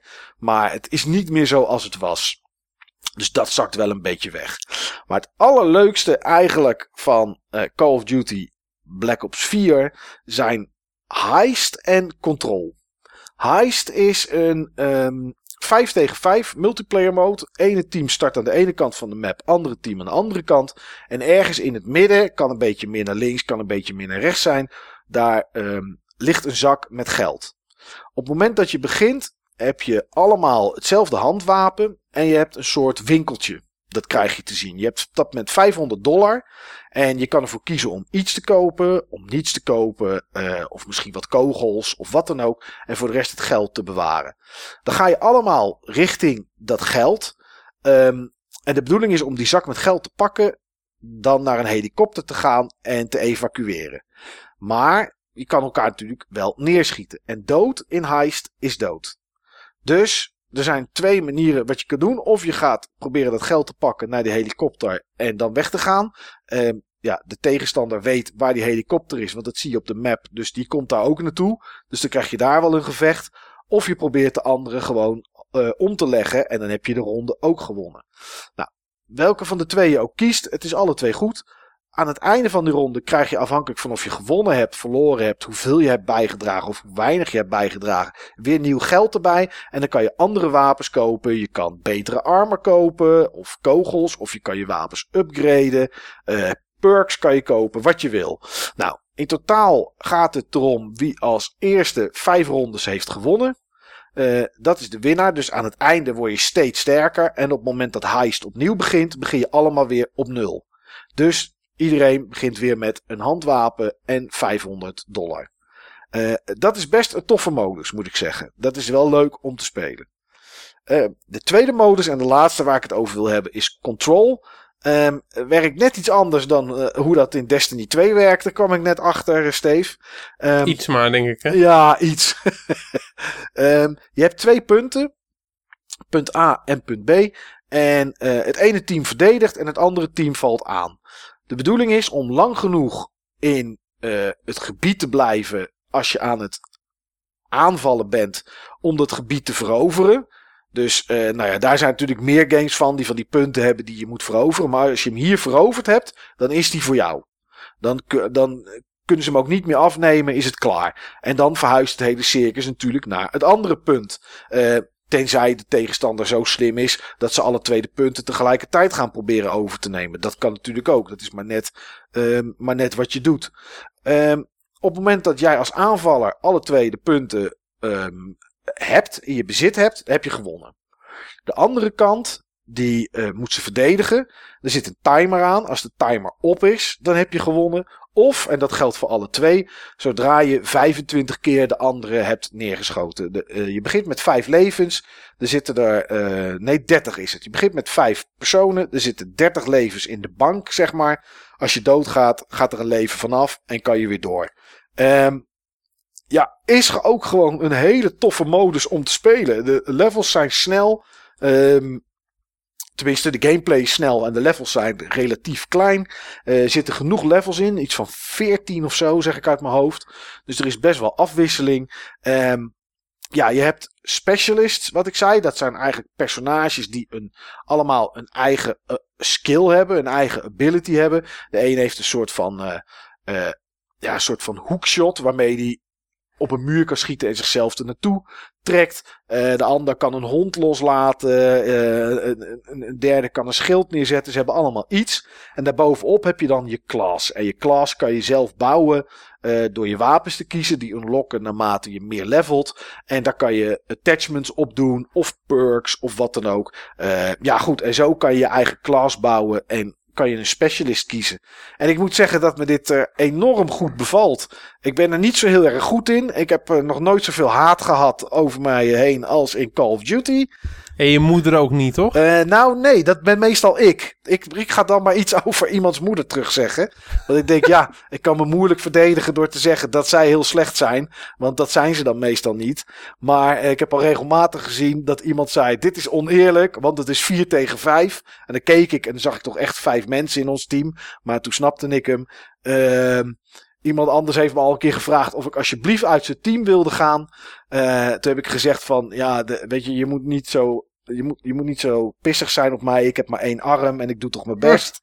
Eh, nou ja, dat soort dingetjes antwoord ik dan, antwoord ik dan maar terug. En, eh, maar, ja, net zoals jou, ja, maar net zoals jouw collega Steve, heb ook ik wat replays op eh, YouTube staan. Waar ik eh, aan het einde van een potje zie je altijd zeg maar de play van de match. Dus van, dat, van die match. Eh, wat dan het beste moment was. Of waar de meeste punten mee zijn gescoord. Daar zit ik wel eens in. En eh, dan druk ik snel op eh, Alt F10. En dan slaat hij het filmpje op. En dan, eh, dan knip ik dat. En dan bewaar ik dat eventjes. Om er nog eens naar te kijken. Hoe goed ik wel niet drie kills in 10 seconden had. Zeg maar. Waar dan headshots bij zaten. En long distance. En nou, je krijgt overal punten voor.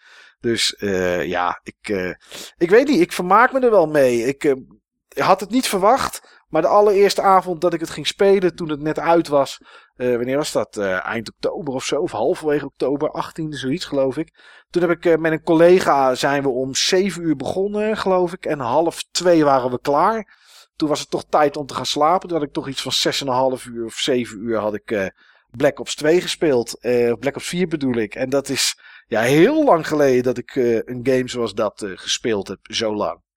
Dus ja, ik, eh, het, het is heerlijk om het eventjes een half uurtje even twee potjes control te doen of zo. Of eh, even drie rondjes heist. Omdat het allemaal ja, het snel is. Het is niet, ja, ik weet niet, het, is niet, het duurt geen uren of zo.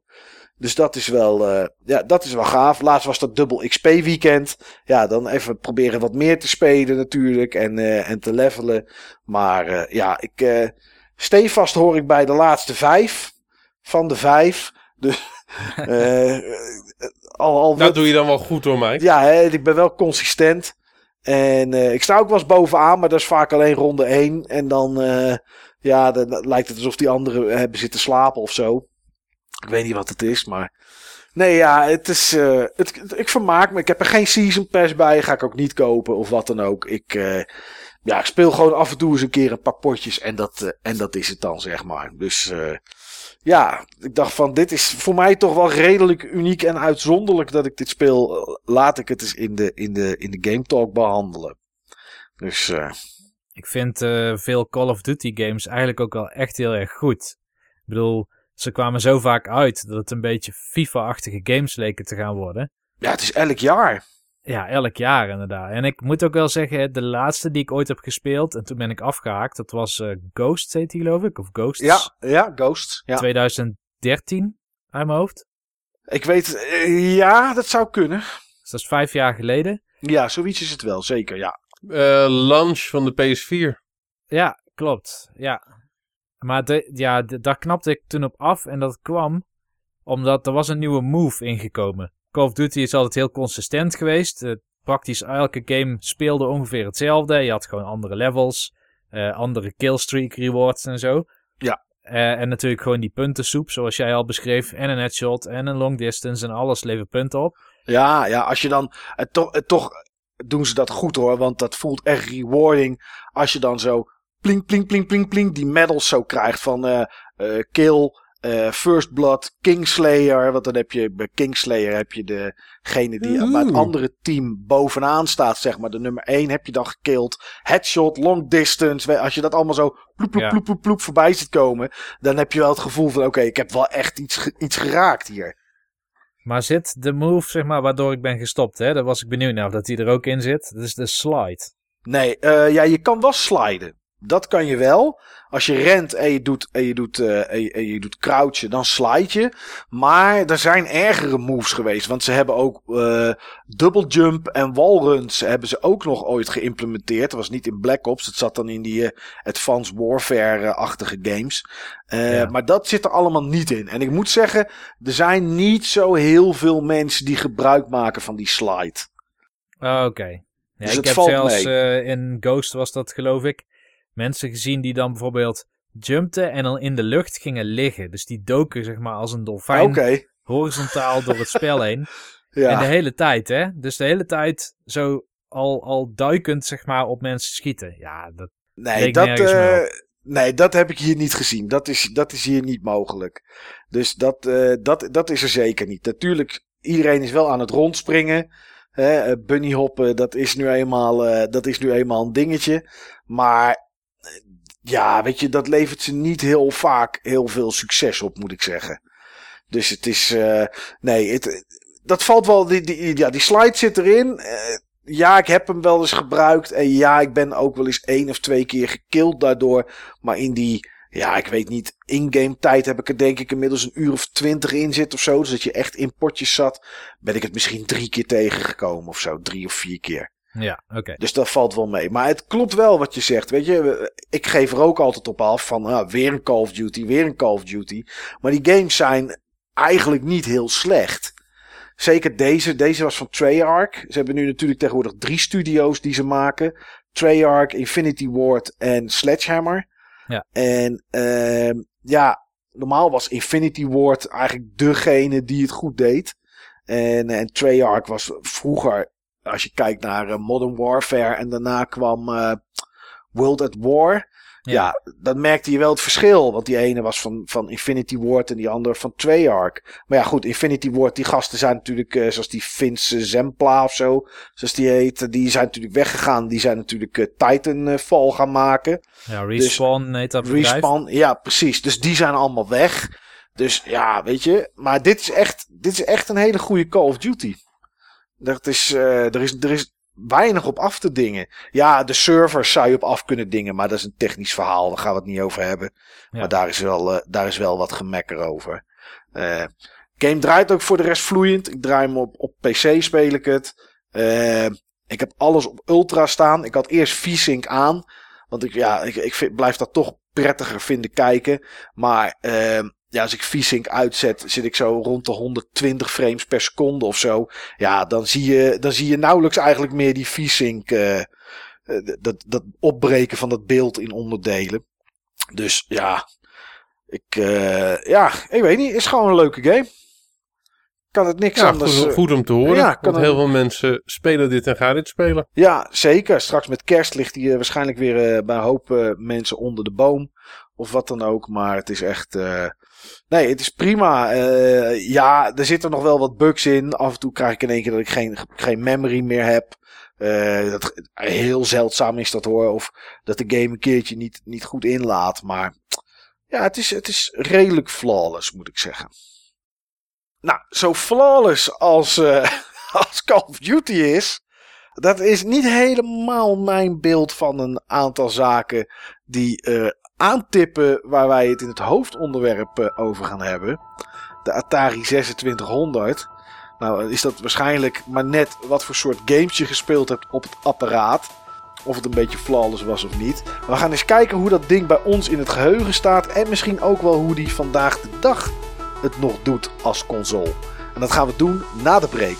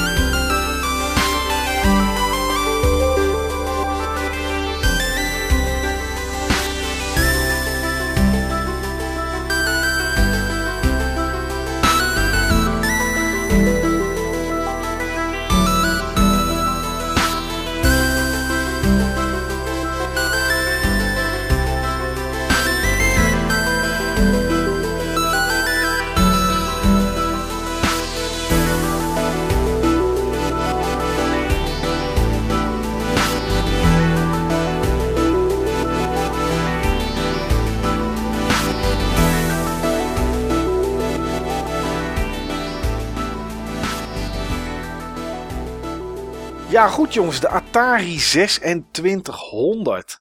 Ja, en je, je vroeg, Mike, hoe die bij ons in het geheugen staat. Ja, Bedoel je dan in alle 128 bytes geheugen? nou ja, dat eh, mag. Ik weet niet eh, hoeveel geheugen eh, je wil, je, ja, van jouw memory vrij wil geven voor de Atari 2600. Ik denk bij jou heel veel, Steve. Eh, ja, maar hij heeft 128 bytes voldoende. Oké, ja. Nou ja, dat Ja, is... Dat... En ik denk, ik denk, Mike, Ja, dat ehm, ja, ik, ik weet nu zeg maar waarom jij eh, ja, toch gewoon wat minder goed geworden bent in shooters. oh. Ik denk dat jouw CPU'tje Ja. draait op eh 1.19 megahertz. Oh, dat is, dat is niet heel veel, eh Steve. Dat is niet heel veel. Nee. Nee, ja, misschien is mijn reactievermogen dan ook wel, zeg maar, eh, uit, eh, wat is het, 1978, 77? Wanneer kwam die 19, uit? 1977. Ja, ja, misschien is Er mijn... zijn wel heel veel, er zijn wel heel veel feitjes eh, erin aan het, in, aan het smokkelen. Maar 1977, hé, dat is gewoon Ja. eh, 31 jaar oud nu? Nee, Klopt, 41. klopt. 41. Ja, even een ezelsbruggetje. Ja. Ezelsbruggetje. Dan vergeet niemand het eh, meer wanneer, eh, wanneer de Atari 2600 is uitgekomen. Mooie datum wanneer die is uitgekomen. 11 september 1901, eh, 1977. Oké.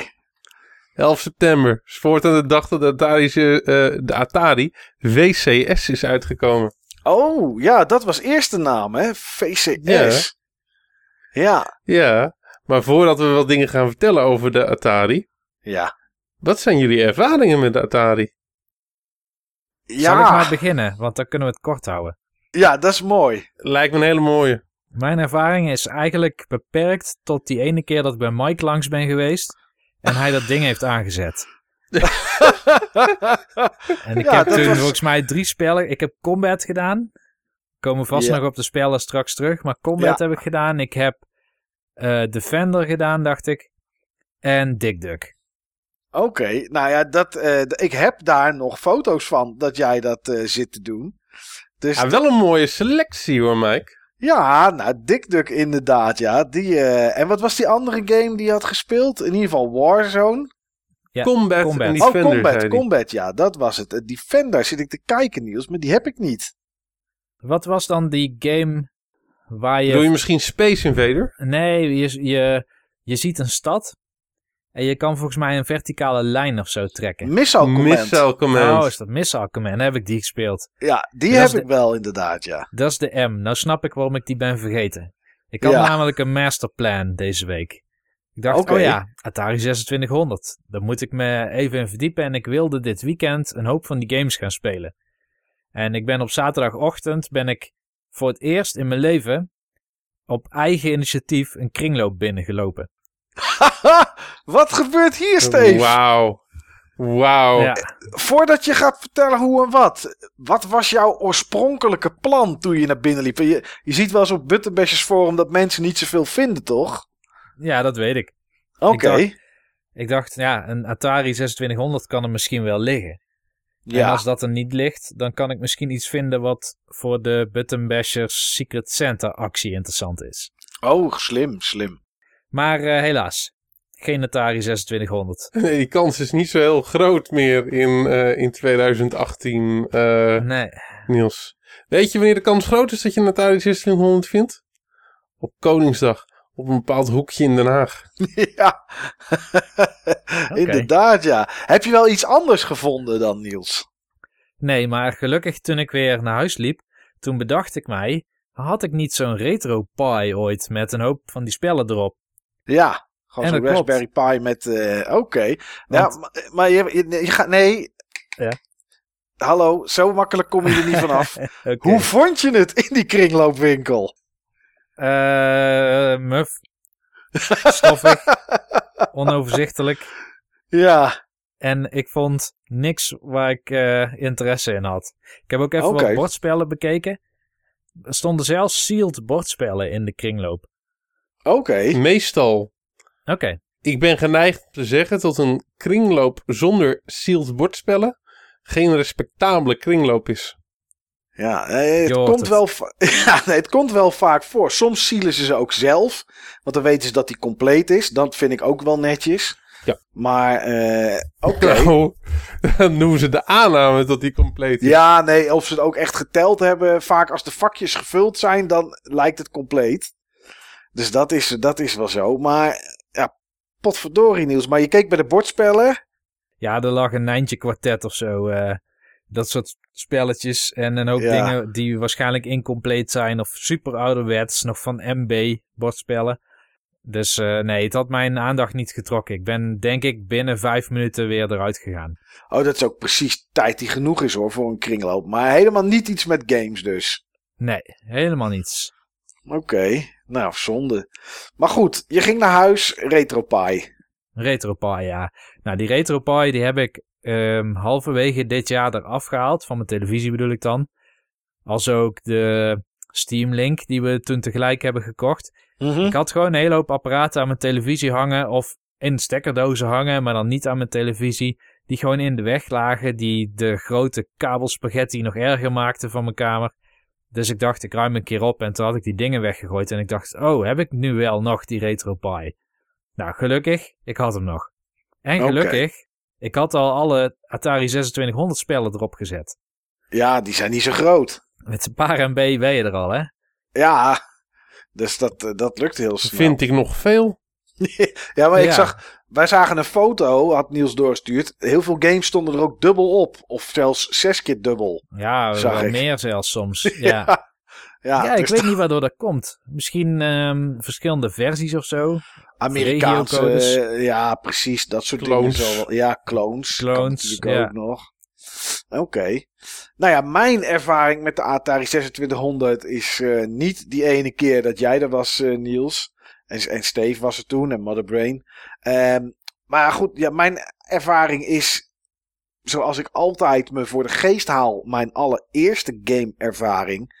En dat was bij, eh, nou ja, bij een oom van mij. Ik heb het verhaal wel eens verteld, maar een, eh, een oom van mij. En eh, daar stond hij in de huiskamer. Ehm, we kwamen daar in ieder geval tijdens verjaardagen.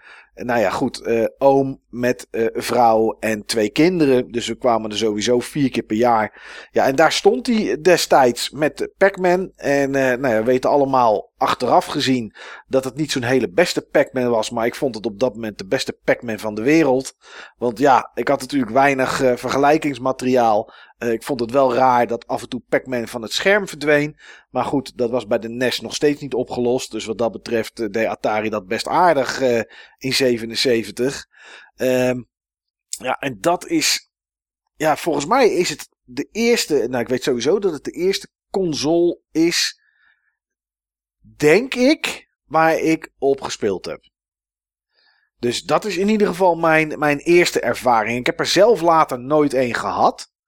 Dat niet. Eh, nu wel. Tenminste, hij staat nu weer in een doos. Maar ik heb hem hier op zolder wel eh, gehad. Zo'n mooie, zo'n mooie Woody. Zo'n zo'n Woodgrain eh, Atari 2600. En eh, Weet je toevallig hoeveel switches die heet, heeft, Mike? eh, volgens mij vier. Ja. Ja. Vier. Dat is de Woody. Ja, ja. Dat is. eh, want ik zat vandaag verschillende te kijken. Toen zag ik dat er nog een andere is die ook een soort van houten voorkant lijkt te hebben. Maar daar, Klopt. maar daar zit dan ook zo'n zilveren plaat overheen of zo. Poeh, even kijken. Bij, bij de switches. Dat is de Sears versie. Oh. Ja, dat is zeg maar, ik noem het eventjes een officiële OEM-release aan een eh warenhuis. Wat toen eh, groot was in Amerika. Sears. Eh, en die hadden zeg maar, eh, het was eigenlijk een beetje de V&D van die tijd. Ja. Die verkochten ook veel elektronica. En die hadden hun eigen versie van de, van de VCS. Die, eh, die hadden ook hun eigen Pong-versie. En ehm, ja, die, die zaten er dik in bij Atari en, en andersom. ja, dat blijkt dan inderdaad wel, ja. Nee, Ja, maar ehm, ja, wat, dat is eigenlijk zeg maar een, ehm, ik noem, noem eventjes een directe kopie van de oerversie van de Atari, VC, eh, van de Atari VCS. ja. Ehm, de oerversie van de VCS heeft zes schakelaars aan de voorkant. Die van jou heeft er, ehm, heeft er, heeft er vier. Ja, volgens mij vier. Die extra schakelaars, dat is de difficulty voor speler 1 en speler 2. Oh, Dat is in latere revisies is dat naar de achterkant gegaan. oké, grappig. Ja. En eh, van de zogenaamde Six Switcher Ja. zijn er twee versies. De Heavy Six Switcher, dat is de oer Atari VCS. En de Light Six Switcher. Eh, plastic, veel dikker, veel zwaarder. En, het, eh, en de shielding binnenin ook veel zwaarder. En dat maakt hem echt zwaar. Oké, Vandaar Heavy, Heavy. Six Switcher. En dat is de oorspronkelijke VCS. oké. Was dat de allereerste? Dat was die. Ja, Oké, zes switches en heel zwaar. Dat was de, de oer, zeg maar. ja. En hout. Houtveneer. Oké. Welke had jij, Steve? Want ik weet, tenminste dat heb je wel eens verteld, dat jij vroeger zo'n ding had, toch? Klopt, klopt. Dat was mijn, mijn eerste console. Ja, Ik had een, ik had een Darth Vader VCS. die helemaal zwart was. Ja, die helemaal zwart was. Oké. En dat was ook de eerste VCS die gebrand was als de Atari 2600. Oh. Dus vandaar dat ik hem ken als de Atari 2600 en niet als de VCS. Oh, en die VCS, weet je, zijn die hier wel verkocht in Nederland? eh? Die zijn hier absoluut verkocht. Oké. Oké. Absoluut. Wat een gehannes dan, zeg maar, zeg. Met, met die namen en, en uitgaves en weet ik veel wat. Eerst, Ja, eerst VCS en, en, en dan eh, eerst met zes schakelaars en dan later met vier en, en met hout en niet met hout. en dit zijn ze nog niet eens allemaal, eh, Mike. Oké. Maar het is niet zo gek. Want het ding heeft 14 jaar in de winkels gelegen. 14? Ja, 14 jaar. absurd lang is dat, hè? Ja, Zo dan, dat is. Ik, ik zou geen enkele andere. Als ik een console zou moeten noemen die dat ook eh, gaat redden, is het de Wii U. Want ja, daar zijn er zoveel van gemaakt en zo weinig van verkocht. Daar, daar blijven ze voorraad van houden tot, tot ver in de, in de jaren 3000. ja maar het is natuurlijk een, eh, een pareltje van techniek, eh, de VCS. Ja, En vandaar ook van dat hij zeg maar wel eventjes in de winkel kon, eh, kon liggen. Met zijn 1.19 megahertz en zijn 128 byte geheugen. jezus. 14 In, negen- jaar. in 1992 hebben we het, erover, hebben we het dan erover, hè? wat, wat, wat was het toen? Was toen de SNES'er? Die kwam. Ja, Toen de toch SNES uit? en de Genesis. Ja, Het ding is gewoon discontinued in, ehm, in het 16-bit tijdperk. Dat is toch wel bizar.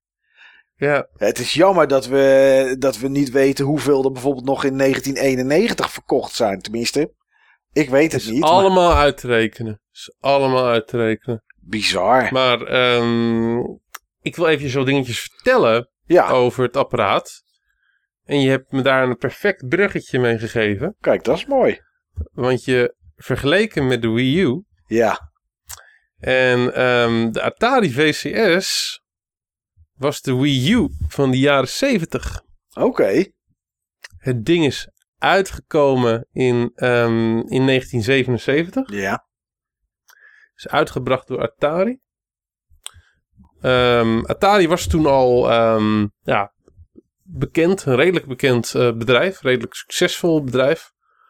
Maakte, eh, maakte computers. En had ook videogame successen eh, geboekt. Met, ehm, volgens mij heette die game Space War. Dat was een van de eerste, eh, een van de eerste arcade machines. Dat was dat gele ding. oh ja, ik weet welke je bedoelt. Die heb ik gezien in Duitsland. Die heb ik, eh, die heb ik ooit ook gezien op de Retro Game Experience in Hilversum. Ja, Ik wist toen dat het een heel bijzonder ding was. En nu weet ik pas wat het was. ja, Maar ehm, dat is niet waar, dat is nooit een hit geworden, dat is nooit een succes geworden. Wat wel een hit en een succes geworden is, en wat Atari gewoon heeft neergezet op gamegebied, dat was Pong. Ja. En ehm, eigenlijk, eh, beter gezegd, twee versies van, ehm, van Pong. Dat waren in 1972 Pong in de arcade. De arcade Pong. En in 1975 waren dat, was dat Home Pong. Pong kwam naar de huiskamer. Ja, Pong komt naar je toe deze zomer. ja, jeetje. Dat is, Ja. Wat is die tijd toch veranderd, man? Dat in die tijd en ook jaren 80 en de jaren 90 kwam een game uit in de arcade en dan kwam het daarna naar je console thuis. Ja, dat hebben we helemaal niet meer. Dat is toch, ik bedoel, ik ken weinig games die in de arcade uitkomen en dan dat we dan een keer horen, ja, ah, is niet Tekken. Tekken, Tekken 7, die was eerder in de arcade dan thuis. Maar dat is dan ook wel echt een uitzondering. Maar vroeger was dat Ja. meer regel. Klopt, klopt. Ja. Maar ik, joh, even credit where credit's due. Dat heb ik nooit beseft. Maar iedereen zegt van dat ja, met de Dreamcast tijd en de Neo Geo, toen werden eh, ja, de home conversies eh, arcade perfect. Nou, Home Pong was ook arcade perfect hoor. ja, dat zal best, ja. Dat was goed te doen, denk ik. 100%. Ja, Dus ehm, ja, en eh, ja, Pong, ehm, ja, dat was natuurlijk een succesverhaal. Ja. Dat was een van de eerste games die je dan thuis kon spelen op, ehm, op de tv. Er waren natuurlijk die apparaten, er stond één spel op. En, eh, of zes versies van Pong, hè? ja dat had Dus ik. dan- ja, ja, ja, ja. Ik heb er ooit Eh, een gehad. Maar jij had waarschijnlijk een Pong-kloon. Ja, ik had. Ik, ik, ik, ik weet. Het enige wat ik er nog van weet, was een redelijke grote plastic bak. Ik kreeg hem van mijn buurjongen. We hadden buurjongens die eh, wat ouder waren. Die waren denk ik eh, een jaar of tien ouder of zo. 10, 12 jaar ouder. Twee, twee gasten. Ja, en die hadden op een gegeven moment hadden die zo'n pongding over. En ja, eh, of ze gingen iets nieuws kopen of wat dan ook. Maar ik mocht hem in ieder geval hebben. Het was een grote, grote plastic bak was het zwart aan de bovenkant en de onderkant was helemaal oranje. Dat was echt eh, een onwijs gevaarte. Het leek een beetje op zo'n eh, gevaren driehoek die je neer kan zetten langs de snelweg. Eh, maar ja, die had ik in mijn kamertje en daar had ik volgens mij vijf of zes verschillende eh pongklonen op. In je eentje tegen een muur, in je eentje tegen de computer, met z'n tweeën, met z'n tweeën tegen de muur. Eh, misschien nog met z'n tweeën tegen twee computers, zoiets. En dat was het dan. En eh, en dan met gewoon met zo'n controller, met zo'n nou ja, met zo'n draaiknop erop uiteraard van naar boven en naar beneden. En dat was het. Maar ik vond het wel gaaf dat ik zoiets had destijds. Dat wel. Oh, zo'n ding eh, heb ik volgens mij ook in ieder geval tijdelijk gehad. En dan hadden al die verschillende games wel namen die tot de verbeelding spraken. Bijvoorbeeld, je had tennis en hockey Ja. en squash, maar alles was hetzelfde. Ja, dat, dat, bij mij had het ook namen inderdaad. Dat weet ik zeker. Ja. Hadden jullie ook rugby? Nee, dat zegt me dat- niks. Eventjes naar een, een zijstapje. Eh, ik heb vrijdag heb ik eh, een rugbytraining gehad. Tijdens een managementdag. Ja. Van een ehm, Olympisch ehm rugby eh, speelster. Oké. Van eh, de, de Nederlandse Seven. Eh, je speelt, zeg maar, je hebt, je hebt een, een type rugby, dat speel je dan met, met zeven. Hebben jullie er in gedachten, die rugby speelster? Nee, ik zou niet weten wie het is. Ja, lekker buff en zo natuurlijk. Gewoon echt, ja, gewoon zoals je een rugby speelster ook gewoon voor je stelt. Ja. Gewoon echt, een beetje al- als China van de. WWE. Oké, haar, haar opgeknoopt, zeg maar van die braids of zo, of wat dan ook, dat het niet in de gezicht waait. Ja, ja. Dat, maar dan dus te- precies tegenovergestelde. Oké. Het is echt een extreem, extreem aantrekkelijke, frêle verschijning. Oké. Dus eh, ah, dat was een modelletje, jongen. Maar wel zo hard als Nails. Nou, ze konden wel hard ingaan. Ja, dat zal wel, ja. Dus eh, nee, ik, joh, ik heb, da- da- daarna heb ik er nog eventjes opgezocht op, eh, o- op YouTube. Ja. Nou, daar wil ik geen tackle van hebben hoor. Nee, dat vertel ik dan niet na, denk ik. nee, jij bent de eerste met een bloedlip als je samen in de slaapkamer staat, denk ik. Vast en zeker, vast en zeker. Was eventjes zeg maar een klein zijsprongetje. ja. Ehm, maar ja, Pong kende natuurlijk vele klonen. Ja. Dat werd een beetje een dingetje. Daardoor, eh, daardoor verkocht eh, Pong niet zo eh, heel erg best meer. En ehm, Pong, we kennen allemaal natuurlijk de term Pong-kloon. Ja. Maar Pong was zelf ook een kloon. Oh ja, joh. Ja. Ook wat in de arcade, in de arcade stond. Ja, ja. Dus ehm, eh, Atari had een paar grote mannen.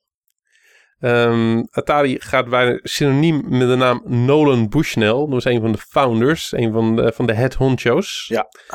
En eh, Nolan, eh, Nolan eh, was Amerikaans kapitalist.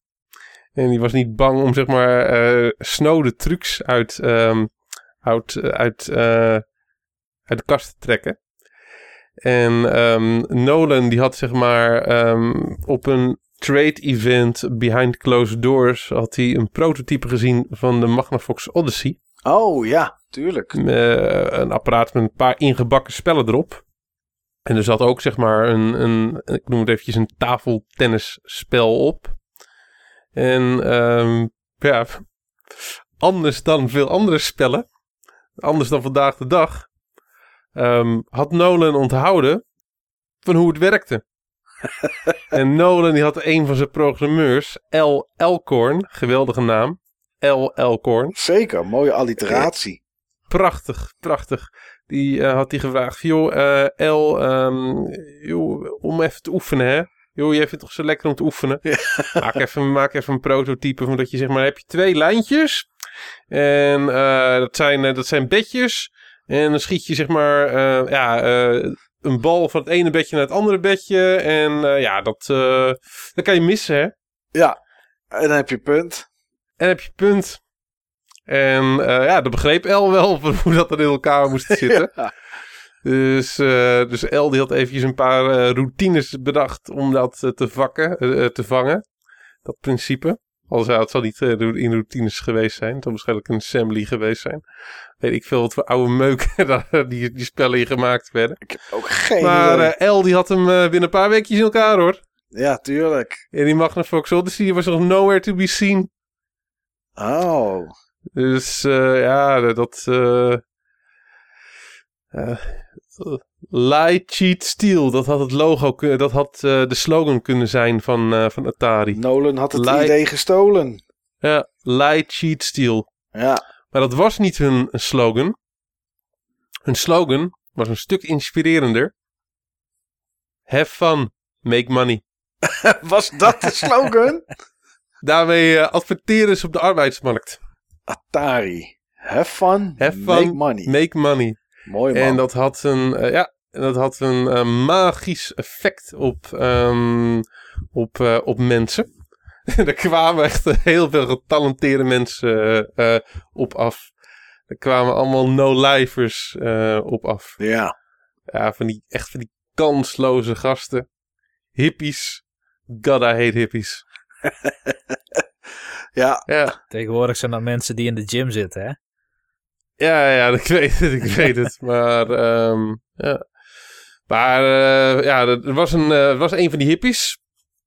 Die had, zeg maar, een eh, advertentie gezien in de krant met deze prachtige slogan. En, ja, die verscheen, zeg maar, gewoon ehm, in de lobby bij Atari. In zijn sandaaltjes, met zijn met lange ongekamde haar. En ehm, hij zei tegen de receptie daar dat hij, dat hij niet weg zou gaan. Dat hij een baan zou krijgen. En de receptie had zeg maar de HR-directeur gebeld. En hij had tegen de HR-directeur eh, gezegd. En de HR-directeur die, eh, die belde vervolgens dan eh, die L. Want die L die was inmiddels chief engineer. En ja, die HR-directeur sprak de legendarische woorden... We've got a hippie kid in the lobby. he says he's not going to leave until we hire him. Should we call the cops or let, or let him in? We have a hippie En, kid. ja, en die Elkhorn die kwam naar beneden. En die ging even praten met die hippie kid. En die zei... ik, van, joh, waar heb je dan op school gezeten? Nou, is een beetje echt nergens. Hij was een gast van 18. Ehm, hij zag wel wat in hem. En hij zei van, joh, weet je wat? Hij is 18. Zo duur zal hij niet zijn. We nee. huren hem, gewoon- we huren hem gewoon in, joh. En zo kwam Steve Jobs bij Atari terecht. Echt waar, ja? Ja, oh joh. ja, ja. En eh, dat was eh, enorm succesvol. Ehm, Nolan Bushnell, die beschreef hem als brilliant, curious and aggressive. Eh, Steve Jobs die was zeg maar niet zo aardig tegen zijn andere collega's. Die, eh die hij pestte ze, hij mokte ze. Hij was vooral goed in het maken van vijanden. Oké. En dan was er één ander ding waar hij enorm goed in was. Hij stonk. Ja, hey, Hij stonk. je bent hippie of je bent het niet, hè? Nee, want, eh, want Steve Jobs die, eh, die volgde een fruitdieet. En eh, Steve Jobs had zichzelf aangepraat dat je daar, als je een fruitdieet at, alleen maar, als je alleen maar fruit at, dan had je geen lichaamsgeur. Dus hij douchte niet en gebruikte geen deo. Wat een knurft, joh. Ja, ja. Maar die L. Elcorn die heeft het zeg maar ehm, perfect opgelost. Die had met Steve afgesproken dat hij alleen maar s'nachts zou werken. Zo rolden we bij Atari in 1974. Wel slim. Wel slim. Kan je je helemaal concentreren? Is er niemand die je lastig valt? Ga lekker s'nachts werken. Ja, Ja, wel mooi. dus eh, ja, dat is, wel, eh, dat is wel mooi inderdaad, ja. Nolan Bushnell, die was een jaar of tien geleden ook in Nederland. Daar heb ik hem nog een keer gezien. Toen was hij al hoogbejaard. Maar die, eh, in Nederland hadden we ooit Festival of Games. Het was eigenlijk een soort Nederlandse mini-GDC. Dus daar werden lezingen gehouden door niet alleen mensen uit de Nederlandse industrie, maar er werden ook mensen uitgenodigd uit het buitenland om lezingen te houden. En ik kan me nog wel herinneren dat hij een aantal dingen had verteld die je nu ook vertelt, alleen lang niet zo leuk en veel trager. En onverstaanbaar. Oké, Ja, Oké, dat ik hoop wel. dat Nolan dan zeg maar... ehm, leeft hij nog? Nee, hij leeft niet Nee, meer. dat hoeft niet meer, nee. Ah, kijk, dan hoop ik van dat hij ergens vanuit eh, ja, eh, eh, het grote, de grote kapitalistische hemel daarboven, Ja, waar Steve Jobs nu ook is, ehm, dat hij dit verhaal dan hoort en eh, denkt van fuck je, ik had het zo moeten vertellen. nou ja, als die in de hemel zit, kan die terugluisteren op Soundcloud. Dat. Dat is Dat. eh, goed omdat te- het goed etherisch is, wordt het niet geregistreerd als een play. Oh, oké. Ah, jammer, jammer, jammer. Dat, eh, ja. dat is maar goed ook misschien. Maar mooi man, dat verhaal. Ja. Dat wist ik helemaal niet dat het zo gegaan Nee. was, joh. Nee, maar Atari die verdiende dus heel veel centjes met, eh, met, met Pong. Met Pong en allemaal Pong varianten. Ja, En dat hield een beetje op. Dus, eh, want ja, eh, hoeveel Pongs kan je verkopen? ja ik Dus vind het nu, iets- dat hoort zo ook helemaal niet zo erg meer voor Atari dat er clones werden gemaakt van Pong. Nee hè? Nee, Nee, hè? ja, inderdaad. Screw Dus, you, eh, Atari. ja, ja, ja, daarom vind ik het ook helemaal niet erg van dat, dat, dat Niels die games allemaal op een illegale manier heeft gekregen. Nee, nee, dus inderdaad. eh, nee, vind ik eigenlijk wel, dat is eigenlijk gewoon wel het Atari-model. ja, inderdaad. Dus eh, wat ook het Atari-model was, dat eh, ja, is dus, was gewoon wel een stukje innovatie. Ehm, eh, ja, Atari was vooral goed met in, in innoveren. Met name met andermans ideeën. Ja, En eh, ja, dat hebben ze dus ook gedaan met, eh, met, eh, met Atari VCS. Daar hebben ze echt eh, best wel lang aan gewerkt. Om te komen tot, tot die geweldige processor van, van 1.2 megahertz. Dat, dat heeft echt bakken en bakken met geld gekost. En ze kwamen met hun eigen geld kwamen ze niet uit. En ehm, ja, toen hebben ze zeg maar een deal gesloten met Warner. Toen is Atari ehm, verkocht aan Warner. Ik weet niet met een meerderheidsbelang of met een minderheidsbelang. Volgens mij een meerderheidsbelang. ja. Eh, toen zijn ze volgens mij gekocht voor 20 miljoen. En eh 100 miljoen nog wat Warner erin had gestoken. Dat is best Voor fors echt, in eh, die tijd. In die tijd was het echt veel geld, ja. Ja. Dus, ehm, maar dat was dus nodig om die Atari ehm, VCS te ontwikkelen. En eh, in 1977 is die uitgekomen. Ehm 199 dollar. Het ding was, eh, was goedkoop. Oké, Ehm, ja, ik, eh, 199 dollar, hè, een beetje standaardprijs. Dat heb ik consoles nodig om, eh, om succesvol te zijn. ja. ja. Maar in die tijd 199 dollar. Dat klopt. Dat eh, is tegenwoordig is dat meer dan 800 dollar. Pff, jezus, wat een hoop geld zeg. Ja, dat was wel een boel, eh, was een boel geld. Kreeg je wel combat erbij, hè? Oh, kijk, maar dat was wel eh, voor mij een van de meest goede games. Van de launch games wel. Ja. Ik zal ze straks nog eventjes opnoemen. Ehm, Heel veel Atari-fans vinden het jammer dat er nooit een multicard is uitgekomen met de, bij het 30-jarig jubileum van de Atari 2600 met alle, eh, met alle launch games. Hmm, Veel mensen zeggen ja, ja, nou, dat was dan de slechtste gameverzameling ooit geweest. Oké. ja. ja, ik weet niet eh, welke games eruit kwamen bij Lounge. Ja, pak, pak het lijstje er zo meteen eventjes, eh, nog eventjes bij. Ja, Voor die maar wat er- 199 gulden trouwens. dollar. Of dollar. Eh, want het, wat ik wel heb gelezen, maar ik ken de meeste dingen die jij nu gaat opnoemen nog niet. Dus voor mij is het ook allemaal nieuw. Maar ik had Ja. wel de, de development eh, documentatie gelezen dit weekend. En ehm, die, die CPU, die eh 6507 is dat type geloof ik.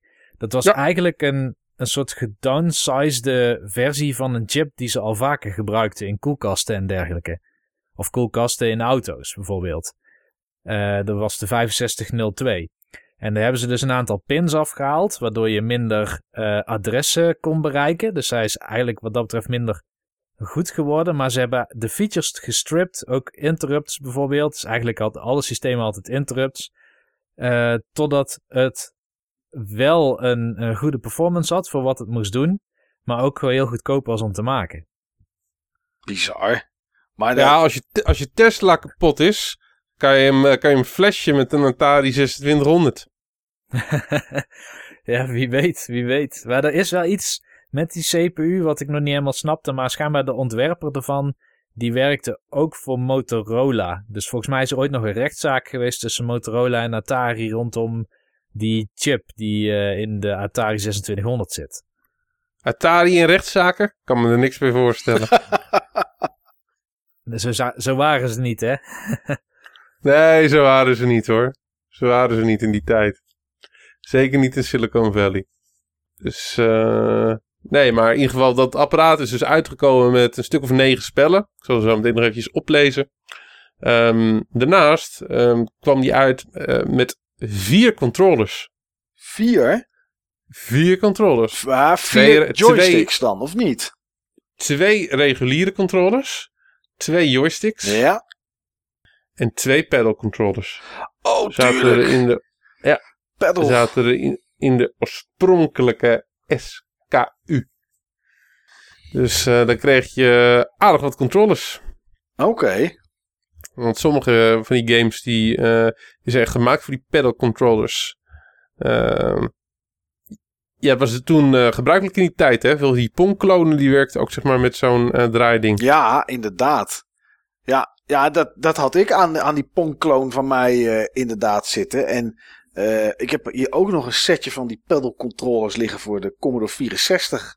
Daar zijn ze ook nog ooit, ooit voor uitgekomen. Eh, moest je wel games hebben die het speciaal ondersteunen. Dus dat was eh, Breakout of Crackout. En eh nou, geloof ik nog een handjevol games. Maar apart joh, dat ze er twee, dat ze gewoon twee setjes, dat is wel netjes. En Ja. twee, twee pedal controllers en twee joysticks gewoon.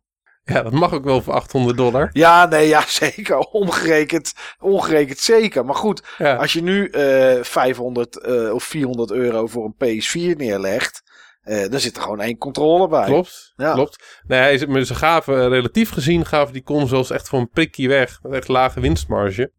Ehm, wat Atari wel echt zelf heeft uitgevonden, is eigenlijk, ik noem even het, het, printer, het printermodel. Het basisapparaat, zeg maar, echt goedkoop verkopen. En cash op de games.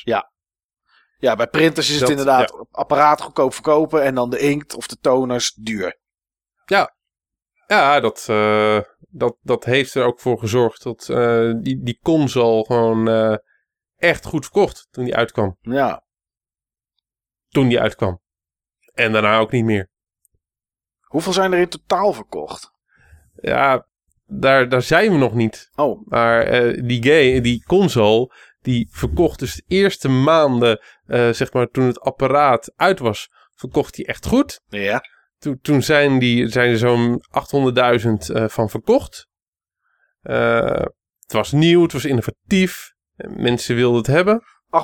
800.000 voor dat bedrag. Maar dat hield vrij snel op. Ze konden dat ding aan de straatsteden niet kwijt. Niemand wou het hebben. Ehm, mensen hadden zoiets als, het is veel te beperkt. Dit is duur. Die, cons- die Pong-clones, die waren dan wel heel beperkt, maar die waren veel goedkoper. En die Pong-clones, die hadden de markt redelijk verzadigd. En mensen snapten het concept nog niet helemaal van een console. Dus eh, dat was even een dingetje. Ja. En daarom zeg ik, ik was blij met de Wii U. De Atari VCS was de Wii U van de jaren 70. Ja. Ja. Het ding, eh, het, het ding ziet er nou zo 70s uit. Ik vind het echt, dat moet ik even ook ge- gezegd hebben. Ehm, ik vind het echt een van de mooiste consoles die er is. Ik vind dat er geen console is die zijn tijdsgeest zo goed vangt als, als de Atari VCS. Dat ben ik wel met je eens. Als zo'n oorspronkelijke ehm eh, Sixer of een Woody. Met dat veneer en die strepen. Het, het ding ruikt gewoon jaren, naar de jaren zeventig. Nou, ik, wat ik wel altijd heel bijzonder vond, is. ehm, en dat is, vind ik nu vandaag de dag nog steeds meer bijzonder dan dat ik het toen vond. Dat je door middel van een fysieke switch op het apparaat, bijvoorbeeld als je, als je combat erin stopt, er is niet één veldje of één speeltype combat. Ik weet niet hoeveel erin zitten, maar best wel wat. En Die select switch. ja, en dan druk je dus op een switchje. Echt gewoon een fysiek ijzer dingetje wat je indrukt zo. Alsof je, weet ik veel, op play drukt van een cassettedek uit de jaren 70 of 80. En je drukt dat in en dat veert dan terug. En dan ga je gewoon naar een ander spelmodi. Dat vind ik toch wel, vind ik toch wel bijzonder hoor. Ik bedoel, de enige knop... Voorsprong door techniek. Ja. Maar de enige, de enige knoppen die ik van consoles weet. Is een reset knop en een, en een aan- en uitknop. En dat is het. En als je dan bij de PlayStation. En een eject knop eventueel voor je cartridge. Ja, ze hadden echt voor zo'n beetje alles wat je kon bedenken. Hadden ze gewoon zo'n switch eh, ergens op de voorkant gepropt, joh. Kleur, zwart-wit. eh, Ja, mooi hè. aan, uit. Zo mooi. Eén speler, twee mooi. speler. Nou, en, en dan ook Ja. nog de difficulty. Ja, dat is toch. eh, Ik vind het wel bizar hoor. Ja, maar ze waren natuurlijk ook pionier op dit gebied. Dus de games hadden ook geen interfaces of menus. Meestal. Ehm, maar ja, iemand moest dus voor het eerst komen met zo'n systeem wat helemaal modulair was. Nou, nu het zegt, joh, eh, Niels. Ik kan me ook echt helemaal geen game met een interface herinneren. Nee. Ik heb er echt maar een paar gezien die überhaupt een soort van press start scherm hebben. De meeste die beginnen meteen de game te spelen. Je zit meteen in het level.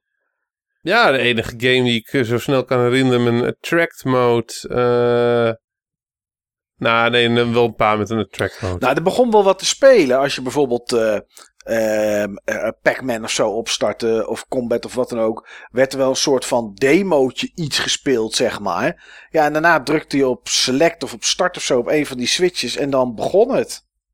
Dat is wel, eh, ja, ja. misschien de latere games, dat die Ja, dat hadden, zoiets ja. als Pitfall.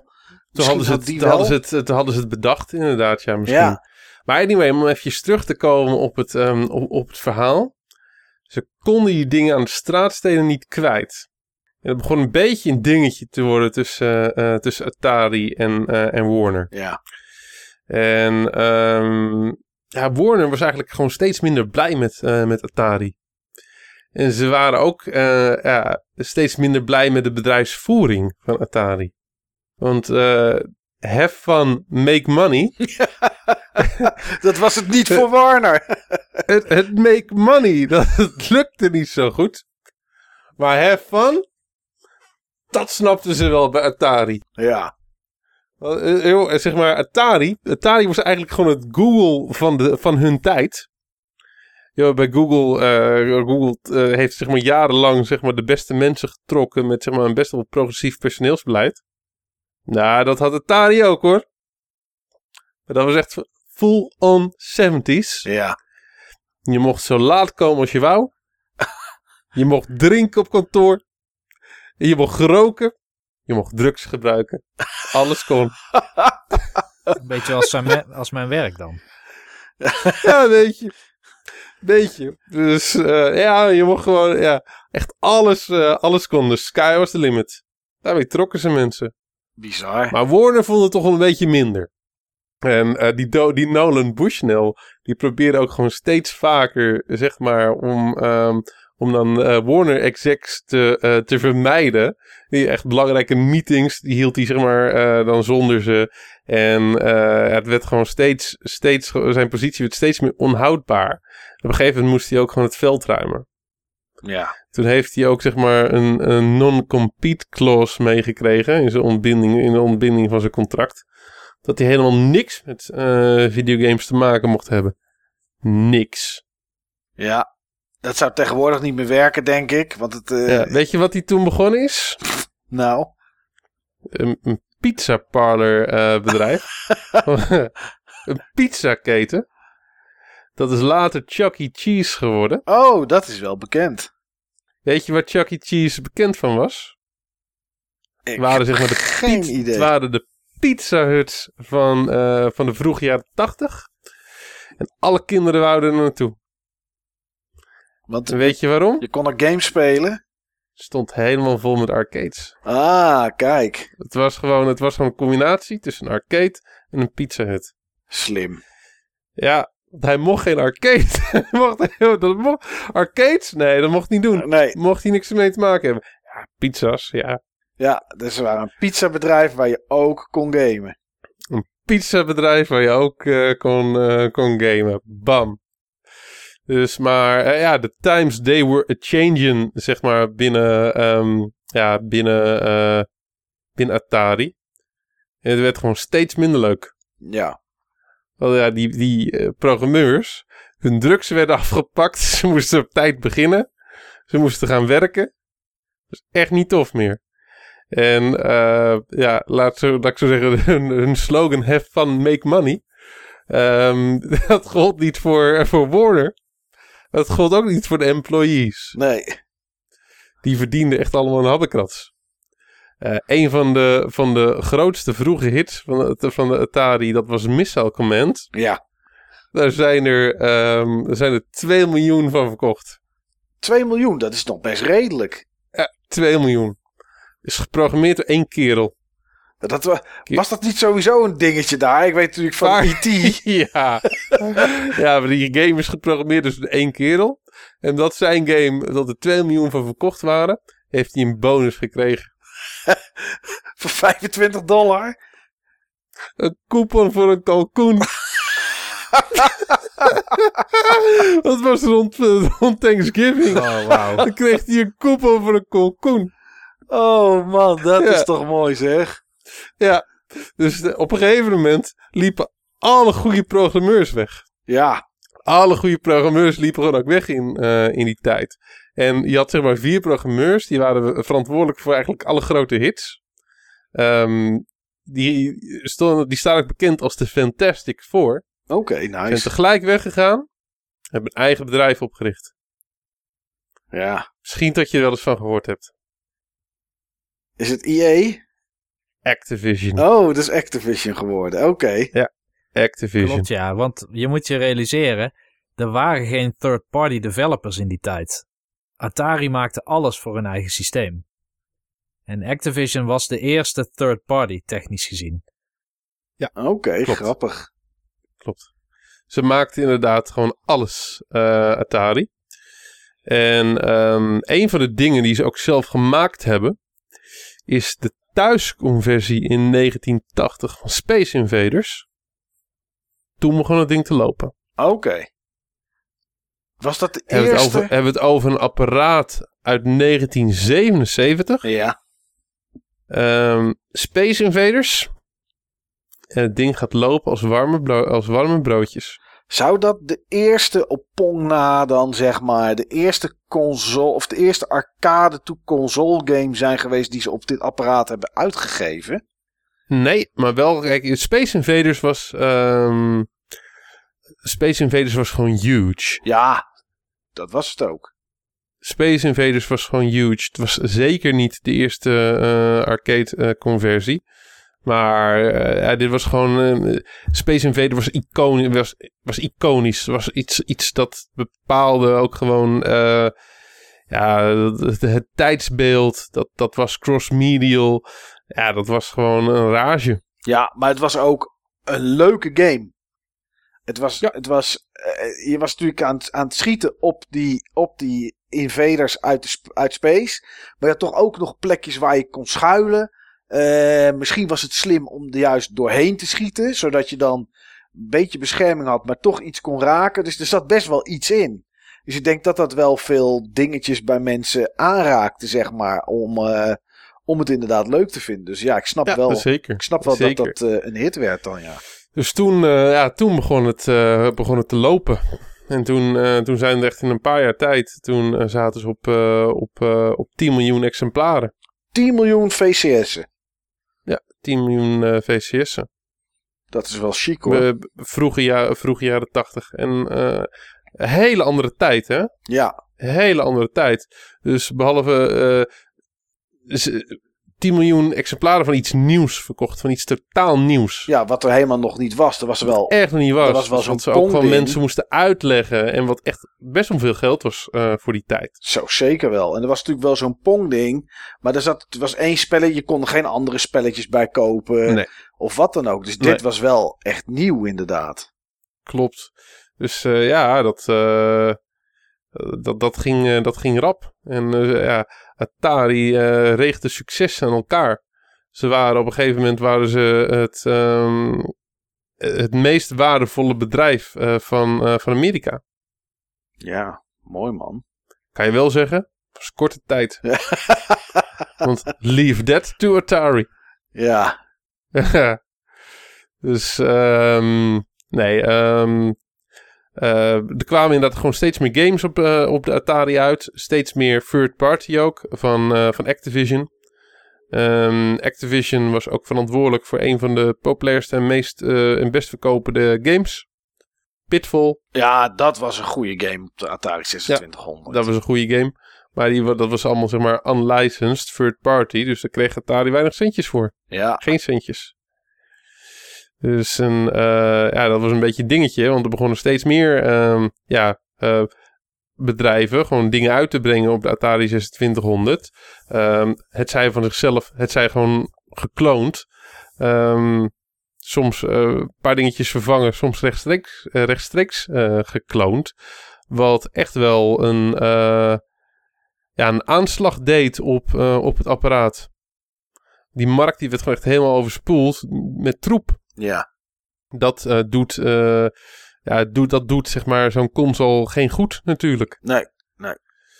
En eh, ja, de, gelukkig waren er wel quality releases van, van Atari die er tegenover stonden.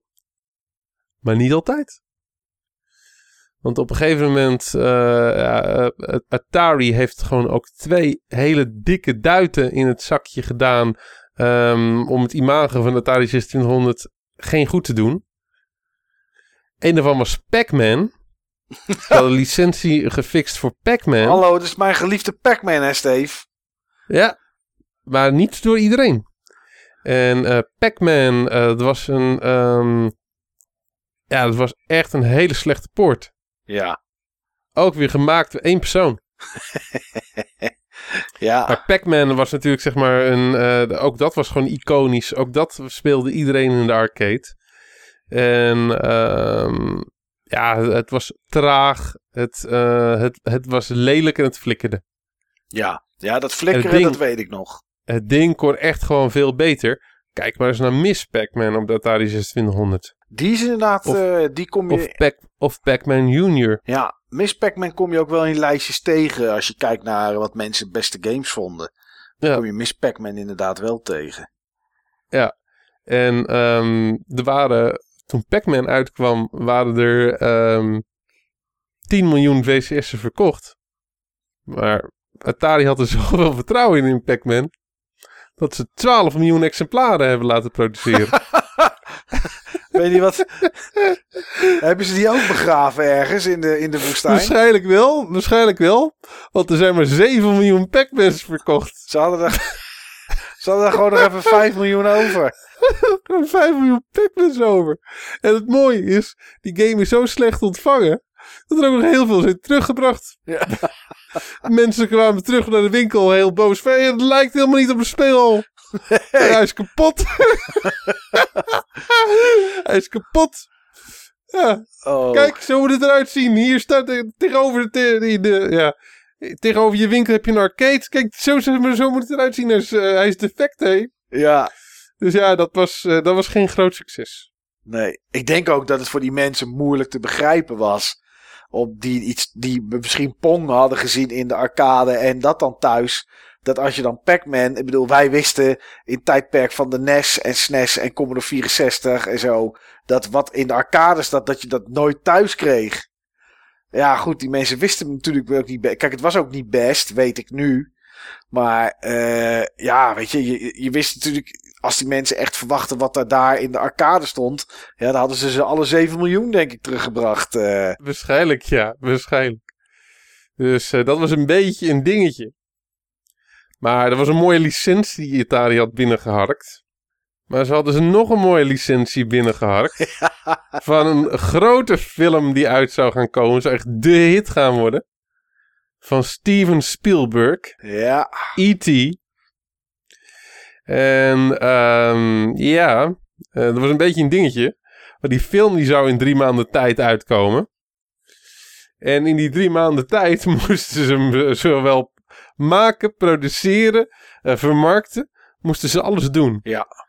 En eh, ze hebben dat ding, ze hebben die game gewoon door één persoon in vijf weken tijd laten produceren.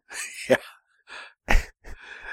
En die game was ook niet zo best. nee, nou, weet je, ik dacht hè, van de week dacht ik, en eigenlijk wilde ik het bewaren voor straks, maar we hebben het nu toch over IT, dus laten we het er mooi inhakken. Ik Ja. dacht, oké, het is nu zoveel jaar later. Ik heb wel eens speedruns gezien van die game en weet ik wat, laat ik het eens gaan spelen. dus ik heb IT opgestart. En eh, ik heb alleen de kaart van de IT. Dus Ja. ik heb geen boekje. Vind ik wel jammer dat je niet CIB hebt. Vind ik wel een game om CIB te Ja, hebben. zeker. En- Misschien kan je nog ergens gaan graven in New Mexico. Ja. Als je een keer op vakantie bent in New Mexico, zou ik zeker mijn schepje meenemen. meenemen, inderdaad. En ik- heb er een kwartier aan besteed, maar ik snap het nog steeds niet. Ik snap nog steeds niet. Ik weet dat, dat je naar huis moet Joh, komen. Mike, moet je goed luisteren. Er zijn mensen die spelen al sinds het begin jaren tachtig en die snappen het nog steeds niet. Nee, dus het is, het is, loop niet zo te klagen, joh. het is zo raar. Je loopt op een veld en dan zie je gaten en daar val je dan in.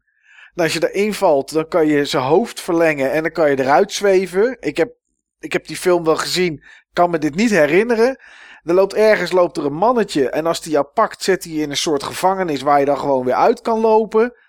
En voor de rest snap ik er helemaal niks van. Ik heb deze ook gespeeld. Het is een van de, van de games die ik... eh, Want ik heb tot en met de J alles gespeeld of zo. En ik moet zeggen, ik heb wel veel slechtere games gespeeld op de Atari dan E.T. hoor. Maar ik moest ook wel lezen wat de bedoeling was. Nou staat er gelukkig bij eh, die RetroPie dan steeds een tekstje van...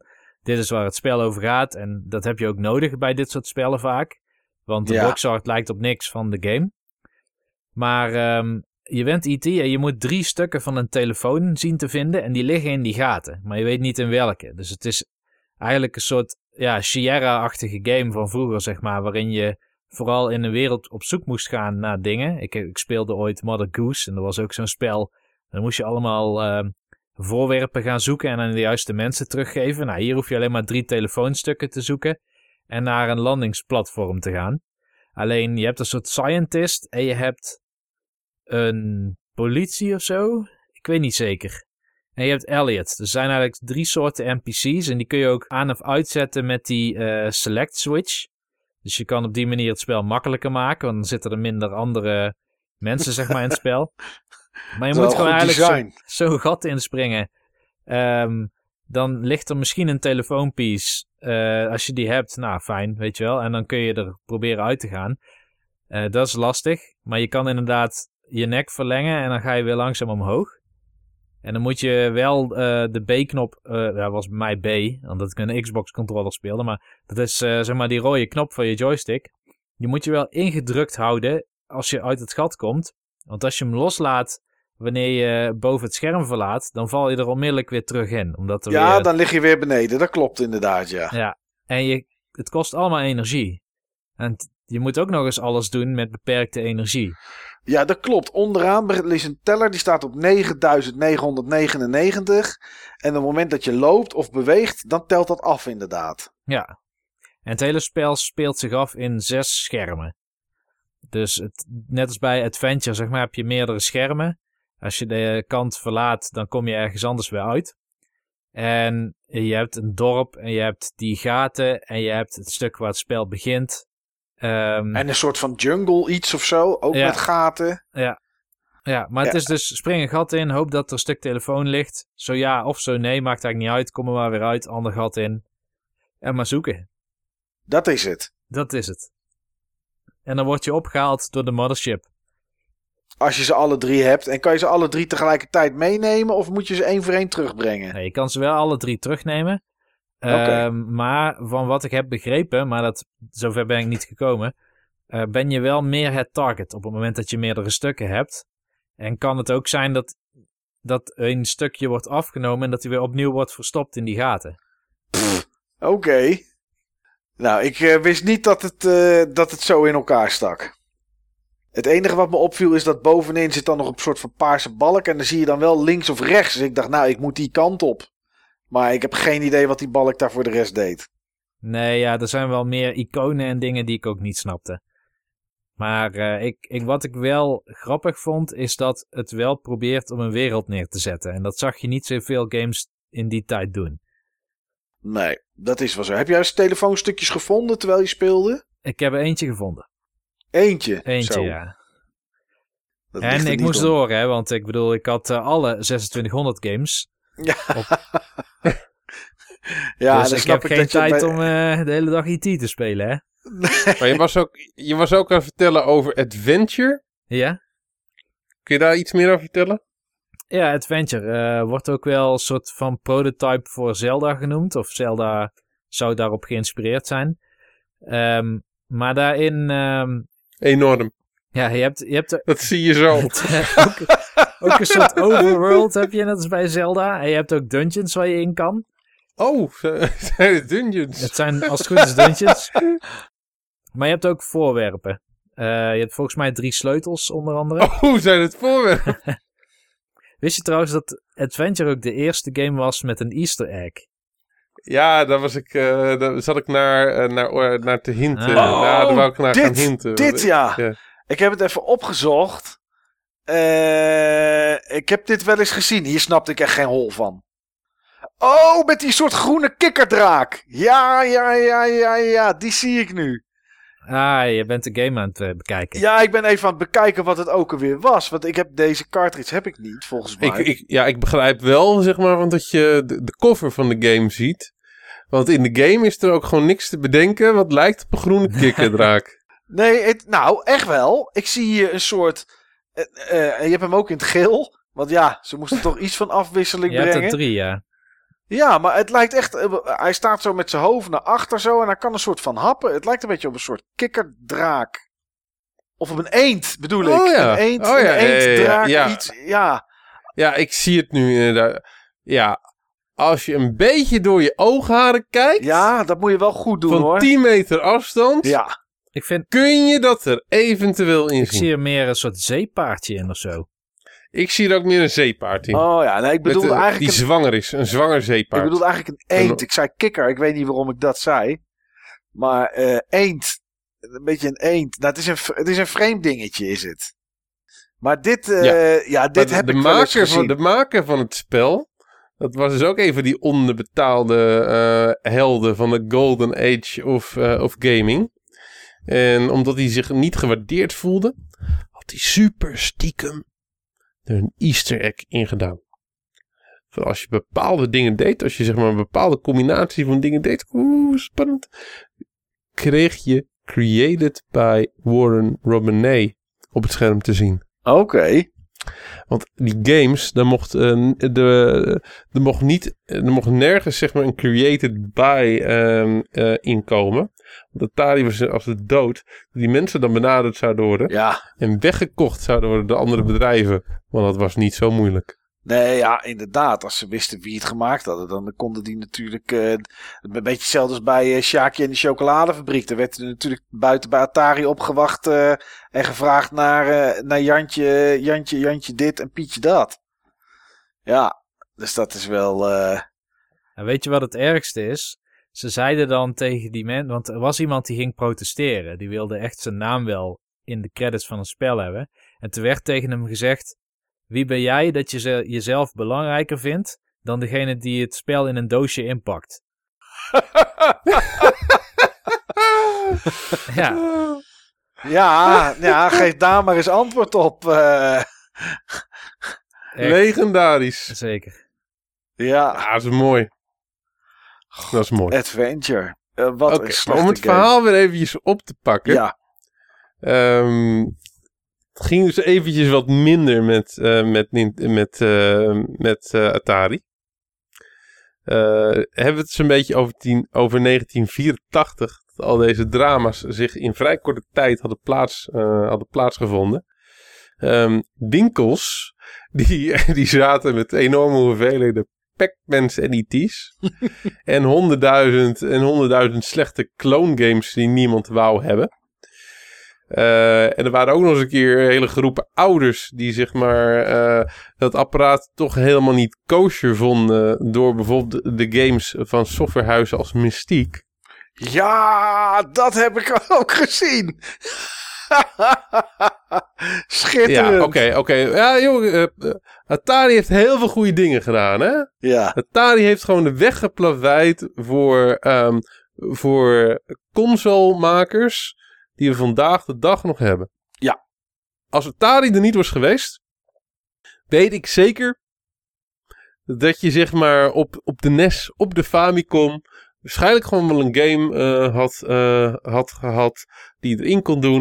En dan speelde je gewoon zeg maar Captain Custard, General Custard, die zeg maar een beetje zeg maar, met zijn eh, met zijn pik vooruit door de woestijn banjede. Om vervolgens een aan een houten paal geketende shawl gewoon zeg maar even lekker te verwennen. Ja, dat, dat had je inderdaad. Ik, ik, ging vandaag nog even door die games heen ook. Niet die ik heb liggen, maar gewoon online. Toen kwam ik ook een andere tegen met een kerel die boven van links naar rechts loopt. Dat ben jij dan. Die geeft er even lekker een, een shortje aan. En dan beneden zie je twee vrouwen met mond open van links naar rechts. En het is aan jou de bedoeling om dan je gele vocht. Lijkt me niet helemaal gezond, maar dat tot daar aan toe dan in die monden te spuiten. Ja, Nou, Mike, die heb ik gespeeld. één ding. Die Eén ik ding, als, als, gespeeld. als, het geen, als het geen geel vocht, als het inderdaad geel vocht is, dat is wel lekker zout, hè? Ja, dat wel. Het is wel nutritious. Maar Zaten, zaten, zeg maar, de dames, zaten die er ook helemaal klaar voor in hun badkuipje? nee, niet in een badkuip. Maar ik, Jammer. ze gingen wel van links naar rechts onder. Maar jij hebt het gespeeld ook, Niels. Dus Ja. ik ook. Die dames die zien er een beetje uit als familie van Ed, Ed en Eddie. Tenminste, maar dan met hele grote blokjes. Ja, Ik zeg geen pixels, hè? ik zeg blokjes. Super sexy, super sexy. wat was dat ook, joh, voor iets, man?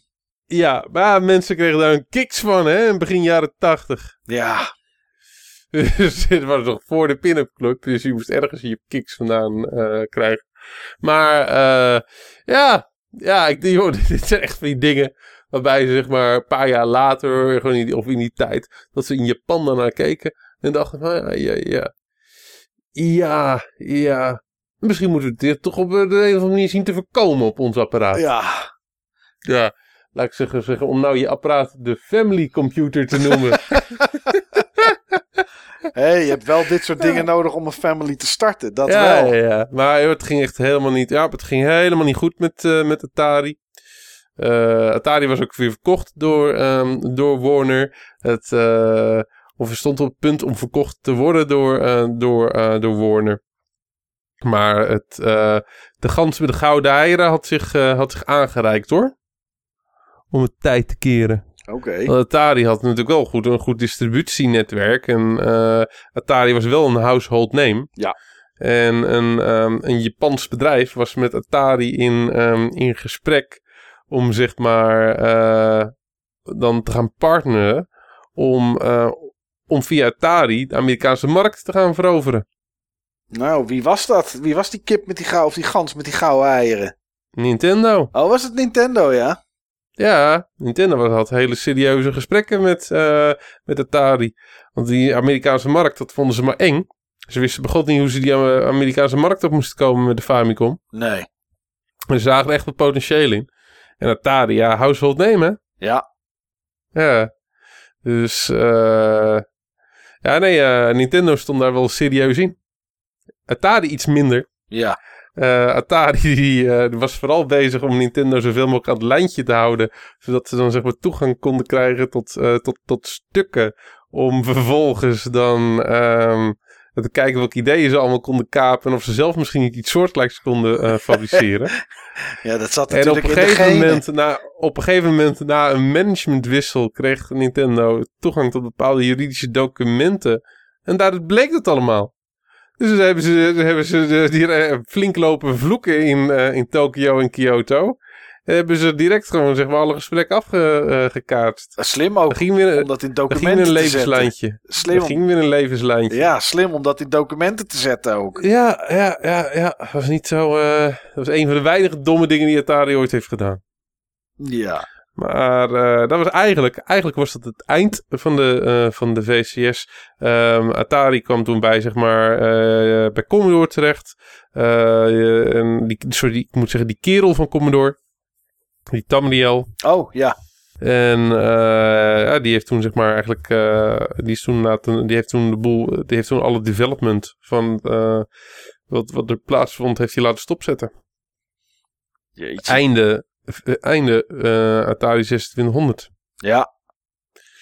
Totdat in 1986 de Atari Junior 2600, Atari 2600 Junior wordt uitgebracht. Oh, met die kleurtjes is dat, of niet? Ja, ja. Als een budgetapparaatje voor 50 dollartjes. Ja.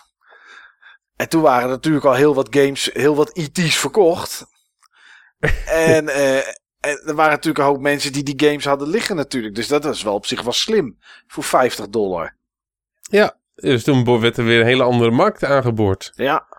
Zodat er, eh, want eh, ja, het was zeg maar, eh, eigenlijk na, nadat de NES was, net was uitgebracht en er wel ook al andere apparaten dan zeg maar ook in Europa, zeg maar in de winkel kwamen te leggen, liggen om, om games op, op te spelen.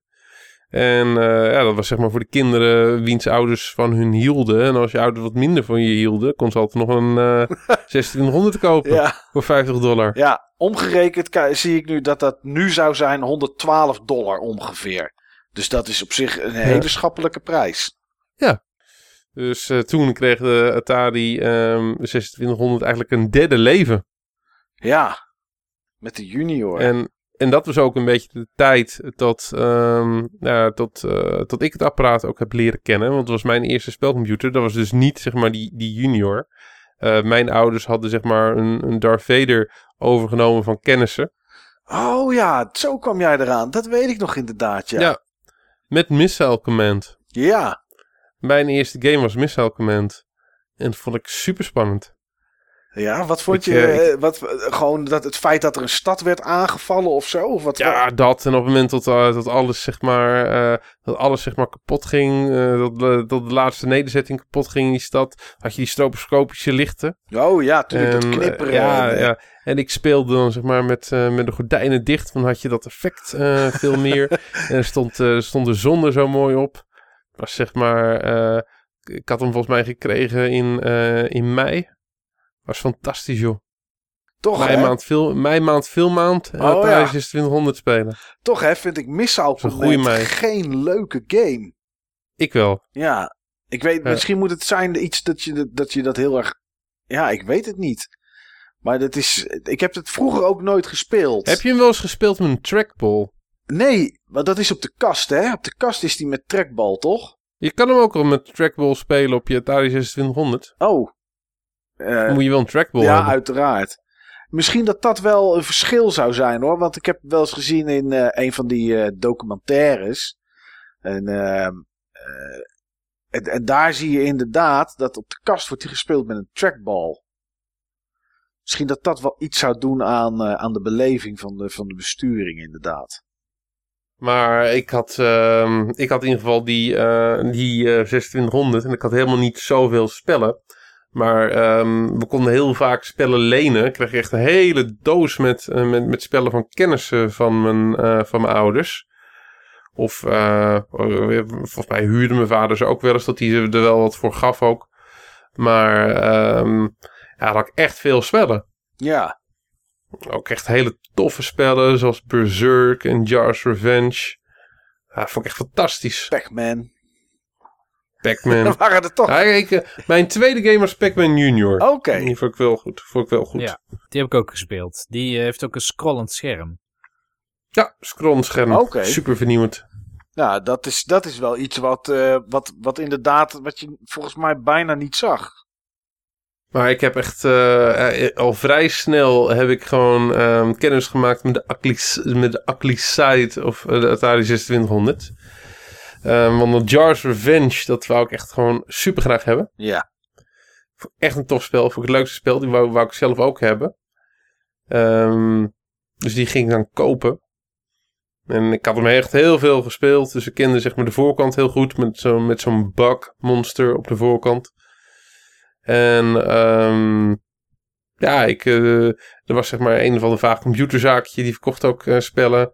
En daar, eh, daar lag hij opeens voor, eh, voor voor 30 of 40 gulden. Ja. Daar moest ik, moest ik wel voor sparen. Maar dat was zeg maar een stuk goedkoper dan, eh, dan ik gewend was. Voor die, voor die spellen. Ja. Oh, ja. En eh, ja, dus ik, ik, ik gekocht. En ja, thuis erin. Hè? Hè? Heel ander spel. En ik had pas thuis gezien dat er ook een heel andere titel zeg maar op, ehm, op dat doosje stond. Ja. Daarop stond ehm, Superman. oh, dat, Superman, echt gewoon eh, zoals ik het ook zou schrijven in die tijd. Superman, M-E-N. En dat was gewoon die, super, dat was die Superman game. Die Atari 2600 Superman game. Die ken ik helemaal niet. Ja, die is echt heel slecht. Ja, dat is wel vaker met Superman geweest in de geschiedenis. Ja. Superman. Dat was echt, dat was echt een traumatische ervaring. Dan, ga je, dan heb je je gespaard voor een spel, hem halen. Ja, dat is... Oh, ik zie het hier. Jeetje, dit ziet er niet uit, zeg. Nee. Die Superman. Je kan wel eh, in een... In een Die ziet er echt heel grappig uit. Die cape. Dat is toch geweldig. Ja, maar waarom gaat hij zich omkleden in een, in een telefooncel? Hè? Ja, maar dat deed Superman Jawel, ook, hè? maar, Dat is ook een beetje het enige wat klopte. maar voor de, de... Ik zie zoveel knipperen op beeld, jongen. En het, daarvoor lijkt dat met die dingen... Oh, oh, hij kan wel in één keer vliegen. En, nou, wat is dit, joh? Ik dacht dat die IT-game slecht was, maar dit is echt heel slecht, zeg hé. Ja, dit was echt... Ja, dit is echt gewoon traumatisch gewoon. Ik heb er geen andere woorden voor. Nee, dat begrijp ik. Wat heb je toen gedaan, Steve? Gehuild. dit was een beetje, dit was een beetje zeg maar wat jij toen had. Toen je je centjes was verloren. ja, voor zeg Last maar Ninja. voor het- met de Last Ninja. Dat had ik dan zeg maar met Jar's Revenge en Superman. Maar mijn centjes waren gestolen, Mike? Ja, door eh, een of andere sluwe winkelier. Ja. Oh, maar dit kan je een kind niet aandoen om te spelen, man. Dat had ook helemaal geen doel. Ja, je moet mensen redden of zo. Dat is Lois Lane, hè? Oh, ik zie ook En je iemand. moest misdadigers vangen, die moest je dan naar de gevangenis toeslepen. Ik zie ook iemand met een soort helikopter, lijkt op Hero. Zie ik er ook tussendoor gaan. Ah, dit is echt, dit is. Mensen, poppetjes vallen uit de lucht en, en alles knippert. En nou, dit is echt. Dit is echt gewoon. Dit is, dit is een gedrocht, man. Ja, dus het, eh, ja. Joh, iedereen liep altijd te zeiken over Superman op de Nintendo 64. Ja. Wat Maar een, kom op, joh. wat een poesies. Ja, ja, je moest Lois Lane zoenen. Je moest eh, misdadigers vangen. Je moest, je moest een brug herbouwen. Dit is echt heel slecht. Schitterend zeg. Ja. Ja, dat was wel slecht, ja. Ja, dat begrijp Ja, ik. mijn volgende game, mijn volgende game daarna was volgens mij Spider-Man 2600. Ik durf bijna niet te vragen hoe goed die was. Zoek hem eens op. Spider-Man voor de Atari 2600. Ja, Oh, je moet de Eiffeltoren beklimmen, zie ik. Dat is gewoon een wolkenkrabber. Oh, oh ja, ik zie het hier. oh, wat is dat viel die, dat viel die. En als, die, dan, als je dan zeg maar je web tegen zeg maar een, eh, tegen iemand in een raam had aangeschoten, Ja, dan viel die zeg maar op een hele zielige manier zo met zijn pootjes omhoog. Ja, dit is net een soort... En dan, je, moest, je moest bommen onschadelijk maken. Maar je mocht, eh, je, op het moment dat je tegen zo'n bom aanwepte, dan viel je dan naar beneden. Dus je moest echt gewoon tegenaan slingeren. En bovenaan het flatgebouw had je dan de Green Goblin, eh, zeg maar op een Goblin Glider. Oh ja, ik zie En hem, dan ja. moest je, ja, ja, ja, ja. En dan moest je dan ook tegen hem aan, eh, moest je dan moest je ontwijken volgens mij. Ja, en dan moest je boven een, ja, een soort vlag uit de Formule 1 met zo'n blokje, met van die blokjes. Een rooster, je ging een rooster in, denk ik. Oh, en dan begin je weer opnieuw bij een nieuw gebouw. Dan ging je weer opnieuw. Dus eh, ja, gebouwd een ander kleurtje en dan mocht je weer door. Voor de luisteraars klinkt het waarschijnlijk zo slecht nog niet. Maar je moet echt er een video bij kijken. Ja, dit is een uitzending, daar moet je eigenlijk moet je luisteren achter YouTube. En elk spel opzoeken, zodat je een beetje een idee hebt van wat het Ja. is. Dus je moet heel veel fantasie hebben bij deze spellen. Ja, je, je moest een hoog abstractievermogen eh, hebben. Ja, maar dat is natuurlijk. Er kon natuurlijk niet zo heel veel qua, ja, qua, qua alles eigenlijk natuurlijk. En dan moet ik zeggen dat deze Spider-Man is echt is verschrikkelijk. Maar Eh, ja, maar die Spider-Man was wel lichtjaren beter dan die Superman hoor. ja, nee, zeker weten. Maar dit hè, ik heb vandaag op het eh, springen een beetje van de hak op de tak, maar het maakt allemaal niet zoveel uit. Eh, op het Buttonbashers forum hebben we ook ooit een Atari 26, nou topic is er nog steeds, maar een Atari 2600 topic hebben we daar gehad. Dat is, ehm, is gestart ergens in, in, in mei 2015 Door wie? eh, door Killing Raptor. Dat dacht ik al, ja. Ja. En eh, de laatste input van dat, eh, wat op dat topic is geweest, dat was 29 december 2016. Maar daartussen is het dan echt een hele lange tijd stil geweest, omdat iemand een setje had gekocht. Eh, dus eh, ja, goed, toen, toen kwam dat weer een beetje, een beetje tot leven. Maar het, wat daar vooral, zeg maar, en wat ik ook verder heb gezien en wat ik zelf ook merk, is dat de Atari 2600 is wel echt een console die je kan waarderen als je hem ooit gehad hebt of, of gespeeld hebt in die tijd. Als je dat nu aan iemand geeft, zeg maar, dat wordt heel moeilijk voor mensen om dit te kunnen waarderen. Want Ja. het, het, het meeste is gewoon net niks.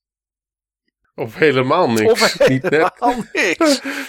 Maar dat was ook daarvoor nog ongeveer niks. Dus ik vind het eigenlijk toch wel best knap wat er wel allemaal is gekomen.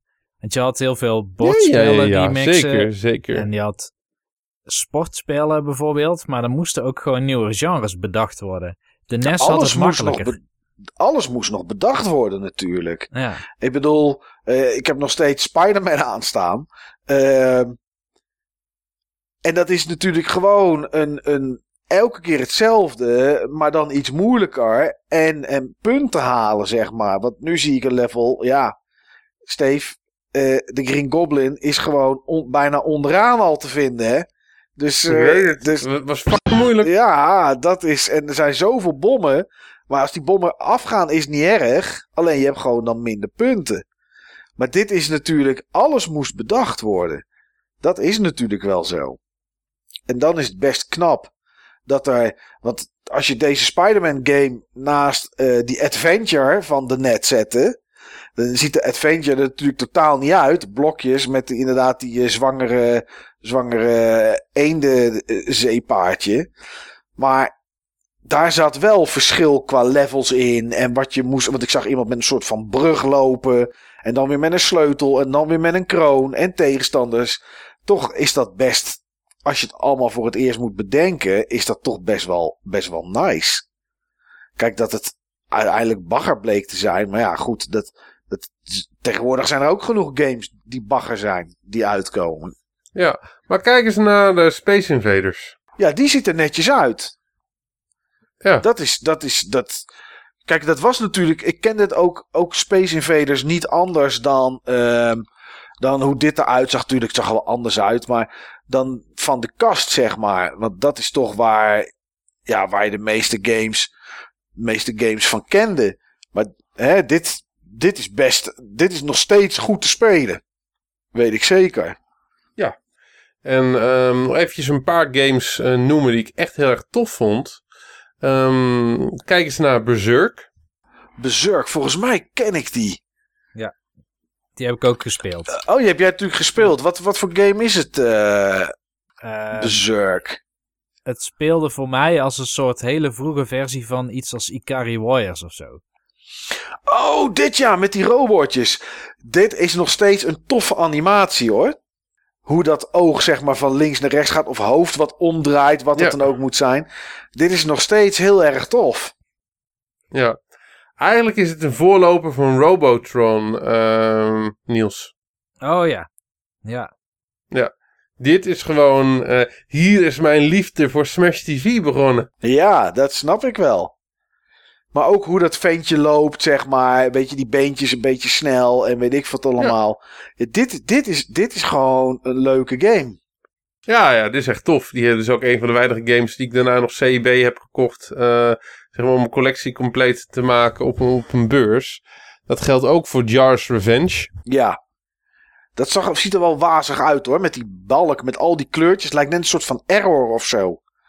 Die, die, ik weet niet wat het moet voorstellen. Een soort van force field of zo. Waar je doorheen moet. Of waar je veilig Ja, achter Force zit. Field, Force Field. Ja. Volgens mij heb ik hierover gelezen over deze game, hoe dat is gemaakt. Want 128 bytes is veel te weinig om zoiets in te laten zien. Dus eh, wat de programmeur heeft gedaan is hij laat eigenlijk een, een stuk zeg maar, runtime code zien als kleuren. Dus het is Oh. eigenlijk de broncode van de game waar je naar zit te kijken.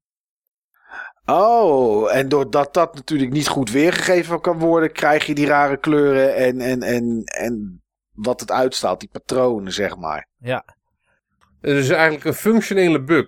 het is een Ja. functionele bug. Want vergis je niet, die 128 bytes is nog veel minder dan je beseft. Want dat is niet zomaar RAM wat je te beschikking hebt voor je variabel of zo. Maar, maar als je een functie maakt, dan moet een console lokaal ergens wat variabelen tijdelijk opslaan. Dat heet de stack. En dat ging er ook vanaf. Dus hoe meer code je eigenlijk schrijft, des te minder RAM hield je over. En dan had je zo weinig over. Ja, een één karakter is al één of twee eh, bytes. Dus ga maar, ga maar na hoe weinig je overhoudt. Ja. En daar had je wel trucs voor. Je hebt trucs om, eh, om op een slimme manier, zeg maar, eh, graphics te displayen. En je hebt trucs om, ehm dat deden ze in ieder geval bij ROM, dat noemen ze dan bank switching. Om, eh, ja, zeg maar, de positie van je RAM of van je ROM zogenaamd te veranderen in code. Waardoor je van een ander stuk ergens nog iets kan lezen.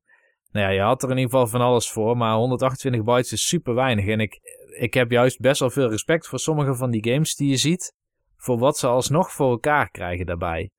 Ja, ja, voor deze game zeker. Dit was gewoon de Resogun van de Atari 2600. Ja, inderdaad. Nou, echt waar hoor. Ja. Dus dit was echt heel, eh, dit was echt heel goed. En zo heb ik nog een paar echt geliefde games. De- deze staan allemaal wel in mijn, ehm, in mijn top 3. Ik heb Dark Chambers ooit eh, genoemd. Ehm was die game die ik met mijn oma speelde. Oh ja. Ik weet dat je het over Ja. verteld hebt. Ja, ja, Ja. ja. En eh, wat ook een game is waar ik, ehm, waar ik regelmatig over verteld heb, maar vooral tijdens Buttonbashers dagen. Dat was Phoenix op de Atari 2600. Oh ja. En ik was helemaal heartbroken van dat hij er niet meer stond of dat hij kapot was. Ja. Er was iets mee. Ja, dat klopt inderdaad, ja. Maar kijk ook maar even naar de Atari 2600 versie van Phoenix. En kijk ook even naar het hoesje van Phoenix. Ik vind het echt een episch hoesje. Ik vind dat, ehm, voor mij is dat een van de mooiste gamehoesjes. Oké, ik ga eens even kijken hoe die... Oh, ik zie hem hier zo. Zilver, Atari logo mooi erop. Rode balk met Phoenix. En dan zeg maar echt een, echt een mooie cover. Ja, ja, ja. Met die planeet op de achtergrond en... eh, Ja, ja. Ja, sowieso vond ik die, die, die Ja, dit vind ik echt dit vind ik stijlvol. epische, dit vind ik epische boxart. Ik vind zo, Niks zo- anders sowieso die cartridges met, met de, de naam van de game op, op de bovenkant. Eh, ja, ik weet niet. En die, en die, en die, die, die doosjes die waren gewoon wel stijlvol. Maar dit is toch gewoon ook een, een, een, een dit is gewoon een soort Gallica, toch? Klopt, Ja. klopt. Eh, wat ik altijd heel erg gek vond aan de Atari 2600 versie. eh, het ruimteschip Ja. vond ik, lij, vond ik lijken op een soepkip. ja, ik snap het wel. Het Ja, is voor mij was het een beetje een, kip. een, kip zonder, kop. een kip zonder kop. Ja, Die dan zeg maar een beetje rondliep. ja, af en toe heeft hij ook zijn vleugeltjes in. Ja, ja, ja dat vond ik er heel gek uitzien. Maar, eh, maar die, die, die vogels daarentegen, Ja, die zijn goed, want je kan vleugels erg goed geanimeerd. Vleugels Dat is gewoon eraf. nauwelijks, dat is nauwelijks minder dan, ehm, dan, eh, ja, dan eh, de, de arcade versie. Ja, maar dit zou ook, zoals je het ziet, kijk, die, die ondergrond. Oké, dat is gewoon een groot, groot gekleurd vlak. Maar dit zou, dit zou best op de NES uitgekomen kunnen zijn. Dit had prima, eh, prima eruit gezien. Misschien een beetje Ja, achtergrond ja, en dit erbij. speelt nog steeds, dit speelt echt nog steeds goed. Dit speelt nog steeds goed. Ehm, als ik zeg maar één game zou aanbevelen voor mensen die zeg maar willen, willen ondervinden ehm, wat er gewoon wel gaaf was aan de Atari 2600, waarbij eh, die en die het niet hebben meegemaakt, Phoenix. Ja, dat snap ik. Ook met een eindbaas zag ik net. Met een, met een Ja. groot scheepje, Ja. een groot schip. Ja, geluidseffecten ook gewoon allemaal behoorlijk goed. Ja, dat is toch wel mooi. Ja, deze, ik, eh, ik, ik ken het wel, maar ik het had het even niet meer op de radar staan, inderdaad. Ja, ah, zo mooi. Zo mooi. Dus dan. ehm, ehm, eh, ik, ik, had, ik, ik speelde dit altijd. Deze, ehm, eh, eh, deze game. Ja, En ik, ik, had, ik had een keer een, vriend over de vloer. En ja, deze, deze heeft mijn oom ook. En dan gingen we hem spelen. En hij trekt die joystick naar beneden. En hij maakt een force field. Ah, En dat wist ik gewoon niet. ja. Dus ja, eh, ja, dan, eh, ja, ik sprak nog. eh, ik, ik, ik kon Engels een klein beetje verstaan via tekenfilms, maar ik las het absoluut nog niet. Nee. In, de, in de manual stond dat wel, maar dat was toch echt geen een puur Engelstalige manual. Nee. Ja, mooi Grappig, hoor, dit. Ja. Mooi dit. Deze heb ik ook gespeeld. Volgens mij heb ik hem per ongeluk geselecteerd of zo toen ik een soort sample aan het doen was in de library. Maar deze die was me opgevallen als een van de beste. Ja. Sowieso goed speelbaar. Ja, ja het, is, het is eigenlijk inderdaad wel een soort Galaga of Space Invaders-achtige patronen. Maar het is niet de hele tijd hetzelfde. Want je krijgt op een gegeven moment meer van die vogels. Als je die neer hebt, dan krijg je nog andere vogels. En als je die neer hebt, dan krijg je een ruimteschip. Een soort eindbaas. Dus er zat nog toch best veel in. Ja, dat is wel bizar. Weet jullie wat ik altijd een leuke game vond? En het is zo kneuzig en het is zo simpel, maar waar ik me uren mee heb vermaakt. Atari Circus. Heb je dat ook gespeeld? eh? Dat- nee, Moet ik wel, niet, maar ik ik heb niet. het niet opgeschreven als die ga ik nog eens doen. Nee, dat kan ik me ook heel goed voorstellen. Atari Circus was eigenlijk een soort, eh, een soort breakout-achtige game. Kan je, het eigenlijk wel, eh, kan je het eigenlijk wel bestempelen. Alleen dan met poppetjes op een wip. Dus bovenaan gaan, gaan drie rijen met blokjes heen en weer. eh, in verschillende snelheid, met verschillende kleuren. En jij bestuurt zeg maar een soort wip. En dan van de zijkant springt er dan een poppetje op. En die andere die schiet dan de lucht in. En die raakt of de blokjes als die hard genoeg is of niet. En dan moet je die wip er weer precies onder zetten dat die naar beneden komt. En de volgende eh, poppetje wat daarop staat op die wip weer omhoog schiet. En zo moet je alle blokjes wegbokken. Ik weet niet hoeveel levels het heeft. Of ik ooit een level heb uitgespeeld. Maar ik speelde dat veel jongens vroeger bij mijn oom. Oh man. Het is super simpel. Maar het was toch wel verslaafd. Vooral als je nog een paar blokjes over had. Ja, dan moest je ook mikken. Maar ja, dat ging een beetje lastig. En, en je kon ook niet denken van ik wacht totdat het blokjes in beeld zijn. Want ja, die, dan, die poppetjes die sprongen maar door. Dit was echt, eh, vond ik echt een leuke game vroeger. Atari Circus. Ziet er niet uit. Zal vast ook weer behoren bij een van de slechtste games die erop was. Maar eh, ik, vond het toch wel, eh, ik vond het toch wel mooi. Maar over niet uitzien gesproken, wisten jullie dat de Atari geen pixels had? Wat was het dan? Dat was namelijk een hele eigenaardige trek, zeg maar, van de manier waarop dat systeem geprogrammeerd moest worden. Maar je kan niet ergens een puntje neerzetten of zomaar een sprite. Ehm, de Atari 2600 die renderde eigenlijk alles scanline per scanline. En ehm, het enige wat je eigenlijk als programmeur kan doen, is je hebt die kathodestraal, zeg maar, die aan het racen is door het scherm heen. Van links naar rechts, van boven naar onder. Om het beeld op te bouwen? Om het beeld op te bouwen, inderdaad. En het enige wat je als programmeur kan doen, en ze noemden dat principe Racing the Beam, is dat jij uh, berekent waar die kathodestraal ongeveer is. En dan zeg je, hier moet die pixel aan op deze kleur. En eigenlijk ben je meer op een soort van timer de hele tijd aan het reageren. Van aan, uit. Aan, uit. En dan heb je een streepje zeg maar getrokken op een scanline. En dan komt de volgende scanline. En dan, dan doe je misschien hetzelfde streepje, want uh, je wil vierkante pixels-achtige esthetiek benaderen. En de, scanline daarna, dan start je de timer net iets eerder, zodat je uh, zeg maar een pixel iets schuin linksonder zou kunnen plaatsen. Tenminste, zo komt het er uit te zien.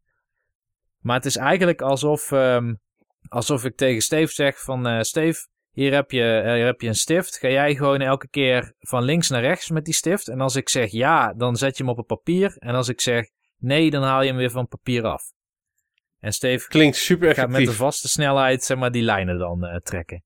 Ja, dat is echt heel apart. Maar daarom hebben veel games ook geen vaste units of zo. Het is niet dat een pixel per se vierkant is. Het is soms heel moeilijk om te zien um, wat de, de, zeg maar de, de, de geometrische eenheden zijn waar het spel mee werkt. Gewoon omdat er niet één grootte is afgesproken. Het is niet uh, een blokje is 16 bij 16 pixels, maar het kan best 17 bij 14 zijn of zo. Terwijl het volgende blokje in één keer uh, 16 bij 19 is. Bizar joh. Maar dat, dat klinkt super vermoeiend om daarvoor te moeten programmeren. Of, of is het juist als je het door hebt wel iets dat een beetje snel kan? Uh, er zijn trucs voor, zodat je toch erover kan denken alsof je pixels plaatst. Maar uh, ja, wat, wat eigenlijk is, is. Um, ja, je, je weet alleen uh, ja, hoe, hoe ver de klok is. Maar elke keer dat een frame wordt opgebouwd, dan kun je zien als dat de wijzer weer op 12 uur staat. En, ja. en dat die klok begint te tikken. En het is uh, uh, 1 voor 12 uh, wanneer het hele scherm is opgebouwd. Ja, precies. Jeetje, apart joh. Ik wist niet dat dat zo gebeurde inderdaad. Maar ja, ook dat moest natuurlijk een soort van bedacht en uitgevonden worden. Ja. Ja, er was nog niet genoeg geheugen voor een buffer of, of iets waarin je tijdelijk kleurtjes kon opslaan. Dus het enige wat je kon doen is gewoon uh, just in time achter die kathodestraal aan, of net ervoor eigenlijk programmeren. En op het moment dat het niet lukte, dat je code net iets te traag was, dat je kan zeg maar berekenen, um, stel je wil een bepaalde lengte hebben, dan zeg je oké, okay, ja. weet je wat, we zetten op 4 seconden, zetten we hem aan en dan halen we op 6 seconden en dan, uh, dan zetten we de kleur weer uit. En dan seconde, het gaat natuurlijk over milliseconden, of microseconden zelfs. Ja. Maar um, je moest dat doen net voordat die kathodestraal daar was. Want anders was je te laat. En dan schoof gewoon een regel pixels op. Of in ieder geval beeldpunten, zo moet ik het noemen, op. Is dat dan ook de reden dat zo'n Pac-Man, zeg maar, uh, dat daar dan zo'n zo'n Pac-Man met knipperen en dat soort dingen vandaan komt, dat dat misging? Ja. Omdat dat dan het, mis, het, het, het, mis, het misprogrammeren is, zeg maar. Waarschijnlijk wat er gebeurde is dat programmeurs dan net te veel wilden berekenen. En uh, dat daardoor eigenlijk uh, ja, de, de, de pixel te laat werd geplaatst. En dat lukte het ja. ene frame net wel en het andere net niet. En wat dan eigenlijk de best practice was voor programmeurs. Want je hebt namelijk ook, um, uh, ja, ze noemen dat overscan. Maar je, het aantal pixels, zeg maar, wat die, die, die chip, de TIA heette dat, eh, ondersteunt, is groter zeg maar, dan dat je tv kon laten zien. Dus er viel altijd een stukje net buiten wat je tv kan laten zien. Daar zou je ook een TIA van krijgen. dat zou zomaar kunnen. Maar ook modernere consoles hebben er altijd nog iets mee gehad hoor. Ik kan me herinneren dat ehm, toen ik in Amsterdam eh, aan zo'n multiplatform engine werkte, dat ik ook rekening moest houden met verschillende platformen en hoe ze met overscannen omgingen. Maar wat dan eigenlijk wordt afgesproken tussen, of ja, afgesproken, wat best practice is voor programmeurs, is bijvoorbeeld om de eerste 32 beeldlijnen niks te tekenen, maar daar gewoon alvast te berekenen alles wat vijanden gaan doen bijvoorbeeld. Dus laten we het even AI noemen. Ook al hebben we daar tenminste tegenwoordig andere associaties bij. En uh, hit detection en dat soort dingen. Dat doe je tijdens die eerste 32 beeldlijnen. Want daarna heb je gewoon geen tijd meer. Dan moet je eigenlijk alleen nog maar weten of dat een pixel aan of uit moet. Want je hebt maar enkele instructies, uh, überhaupt, om um, ja, tussen al die clock cycles zeg maar nog iets te doen. Of al die tikken, zal ik het maar noemen. Wat apart dat dat zo werkt, joh. Dat is, daar had ik, heb ik nooit over nagedacht, joh. Dat dat op die manier dus werkt, uh, Niels. Het, het liet ook een aantal dingen toe die later op de NES en zelfs de SNES niet zouden kunnen. Dus je kan heel gaaf um, bijvoorbeeld eh, pseudo 3D um, ehm, raster racers of zo maken. Ja. Omdat je niet gebonden bent aan een soort van uh, uh, sprite resolutie of zo. Want je bepaalt het als programmeur helemaal zelf. Ja, inderdaad. Ah, apart zeg. Heel bijzonder. Er zaten wel meer rare quirks in hoor. Bijvoorbeeld het paletten op een PAL systeem was anders op die van een NTSC systeem. Dus je kon het niet zomaar poorten. Ten eerste omdat die kloksnelheid lager lag op, op PAL. Maar ja, dan gaat je game gewoon wat trager van draaien. Dat is dan het enige wat er verandert. Maar er werden gewoon andere kleuren gedisplayed. En op een C-cam, dat was dan, uh, volgens mij hebben ze dat in Brazilië of zo. Ik weet niet waar ze die standaard ooit hadden. Ja, oh ja, ja, inderdaad, ja. Dat was Daar had je vast een schakelaar voor ergens op het apparaat om het goed in te stellen. daar waren ze gek op bij Atari. Ja, maar dan was het nog erger. Dan was het paletten compleet anders. Dus je, je kon gewoon je game bijna niet fatsoenlijk porten. Vandaar dat we ook hele vage kleuren waarschijnlijk altijd zien. Veel roze en dat soort dingen allemaal. Ja, ja. Het zou zomaar kunnen dat daar een keertje wat verloren is gegaan uh, tijdens het omzetten. Kan best zijn dat dat een portproces iets is, ja. Oké, nou ja, mooie, mooie manier wel voor programmeren. Anders dan ik had gedacht, uh, Niels. Maar ja, goed, ik, uh, ik ben natuurlijk ook geen programmeur. Dus ik weet natuurlijk helemaal niet hoe, dat, hoe dat werkt. Maar zijn er nog andere games? Want ja, goed, Steve heeft het vroeger natuurlijk gespeeld. Ik ook vroeger en later nog wel. Maar jij bent natuurlijk op ontdekkingstocht gegaan dan de afgelopen weekend. Zijn er nog wat games dat je denkt, hé, hey, die wil ik nog wel even noemen? Ja, er zijn nog wat positieve en negatieve voorbeelden van games. Oké, okay, ik, ben, ik ben vooral benieuwd naar de positieve. Ja, ik begin toch even met een negatieve. Ja, dat is altijd um, lekker, daar hou ik van. Het, het ding is natuurlijk dat je verwacht dat voor een license, dat daar betaald voor is. Ja. En dat het dus meer aandacht aan zo'n spel is geschonken om het ten, ja, sowieso recht te laten doen aan de licentie, maar ook om zoveel mogelijk mensen de game te laten kopen. Dus ja. ik dacht, hey, Asterix, leuk. ik weet hoe die eruit ziet. ja, hè? Dat, heeft, ja. dat is iets heel anders dan wat je denkt. Maar weet je, de, de tekst van de game, er staat join your two favorite Gauls, Galliërs denk ik. Ja. Asterix and Obelix on a fast-paced treasure hunt for Roman bounty. You'll need quick reflexes to grab the treasure while avoiding the deadly liars of cacophonics. Oké, okay, nou weet ja. ik dus wat die, die dingen waren die op je afkwamen. Dat zijn die lieren van die Bart, de muzikant van het dorp. Oh ja, tuurlijk. Ja, ja, ja. Hij inderdaad, ja. En er staat er ook, and watch out, the longer you play, the faster the liars speed towards you. Nou goed, smaakmakende tekst in ieder geval. Maar het spel lijkt er helemaal niks op iets met, wat met Asterix en Obelix te maken heeft. Nee, helemaal niet. Je zou denken, je loopt van links naar rechts. Misschien net zoals de smurfen, zeg maar, als smurfs. Eh, als, als die game. En dat je dan over dingen moet springen. En misschien een keer een, een gallier in elkaar moet slaan of wat dan ook. Maar ja, ik heb geen flauw idee wat het, wat het wel is eigenlijk. Je, je bestuurt het, wat dan blijkbaar het hoofd van Asterix is. Tenminste, ja, je hebt inderdaad gewoon ehm, ja, een gezicht met zo'n witte strand eraan, wat dan die, ja, wat is het, een veer of zo is? Ja, die veren van zijn helm moeten ze voorstellen, inderdaad, ja. Ja, precies. En je hebt gewoon een aantal lanes, een aantal horizontale regels. Eh, acht regels zijn dat. En ehm, dan komen van links en rechts komen allerlei attributen op je af. En het zijn eigenlijk twee verschillende dingen. Het één, dat zijn dus die lieren. Het zijn een soort ja, van... gewoon die, ja, het was een soort van klein, een hand, een hand, een handzame harp of zo. Zo, Daar leek het een beetje ja, op. precies. ja, Ja. nou het is dat ik weet dat het lier is, maar ik dacht dat het meer een soort driehoekje was of zo. En ja. het, het andere is, en daar heb ik goed over nagedacht hoor. Ik weet niet wat het moet zijn, want de tekst noemt het treasures. Maar volgens mij waren het everzwijnen. Oh, ik dacht dat het eh, die ketel was waarin ze de toverdrank stookten. Zelfs dat is mogelijk. Je Ja. moet gewoon veel fantasie hebben. Maar Ja. het enige wat je hier dus eigenlijk aan het doen bent, is ehm, je, je, kan verticaal tussen die lanes switchen. En daar komen van links en rechts allerlei dingen. En dan mag je de een, ene soort wel raken en de andere niet. Ik Ja, zou me is het. behoorlijk bekocht voelen bij dit spel. Ja, dit is echt wel heel slecht. Ik, ik vraag me ook af of op de achterkant screenshots stonden, zeg maar, van wat je mocht verwachten. Maar dat weet ik niet bij, eh, bij nee, deze, dat weet bij ik deze ook game. niet, nee. Bank Heist. Dat was nog best een aardig spel. Die ken ik niet. Oké, ja, dan ben je, ja, je hebt heel veel spellen met een soort doolhof.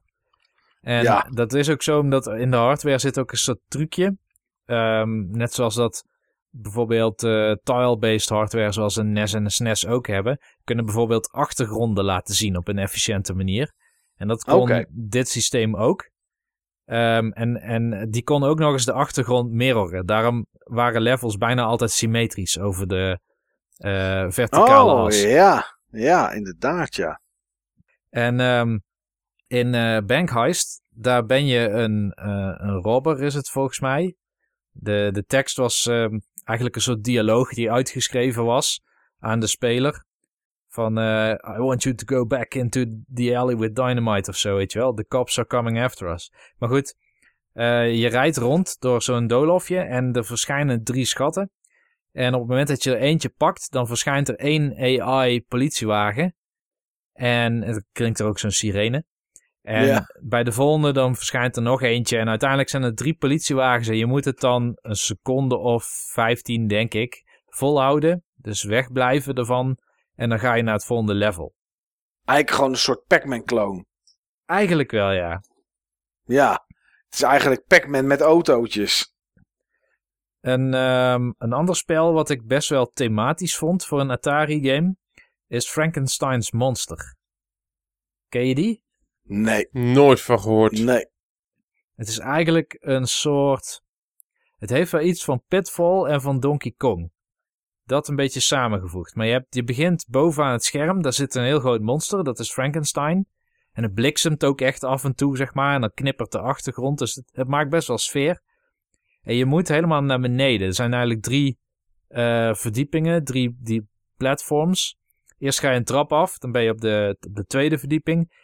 En dan lopen er spinnen rond en dan moet je er overheen. En er zit een gat in de grond, dan moet je ook overheen. En dan kun je nog een verdieping naar beneden. En daar abseilen ook grote spinnen van het plafond. En dan eh, moet je volgens mij een stukje water overspringen. En dan ligt er helemaal rechts onderin een steen. En op het moment dat je die hebt opgepakt, dan moet je juist weer helemaal naar boven. Dus dan leg je hetzelfde parcours af naar boven. Eerst trap op, over de spin heen, nog een trap op. Ga je naar Frankenstein. Dan, als je hem aanraakt, dan krijg je zo'n minigame waarbij je vleermuizen moet ontwijken. Dan word je ook gewoon naar een ander scherm geteleporteerd. En als het gelukt is, dan plaats je die steen en dan moet je het volgens mij een aantal keer opnieuw doen tot je Frankenstein hebt ingebouwd. Maar het ziet er goed uit voor een Atari game.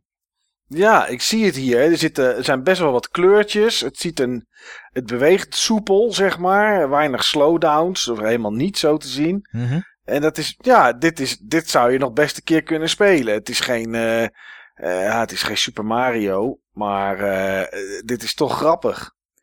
En dan heb ik nog een ander type spel. Het is van Activision. Het heet Kabobber. Kabobber. Kabobber. Kabobber. Ja, Kabobber. Ehm, en die vond ik interessant omdat het een soort gameplay heeft die ik eigenlijk niet meer heb gezien sindsdien.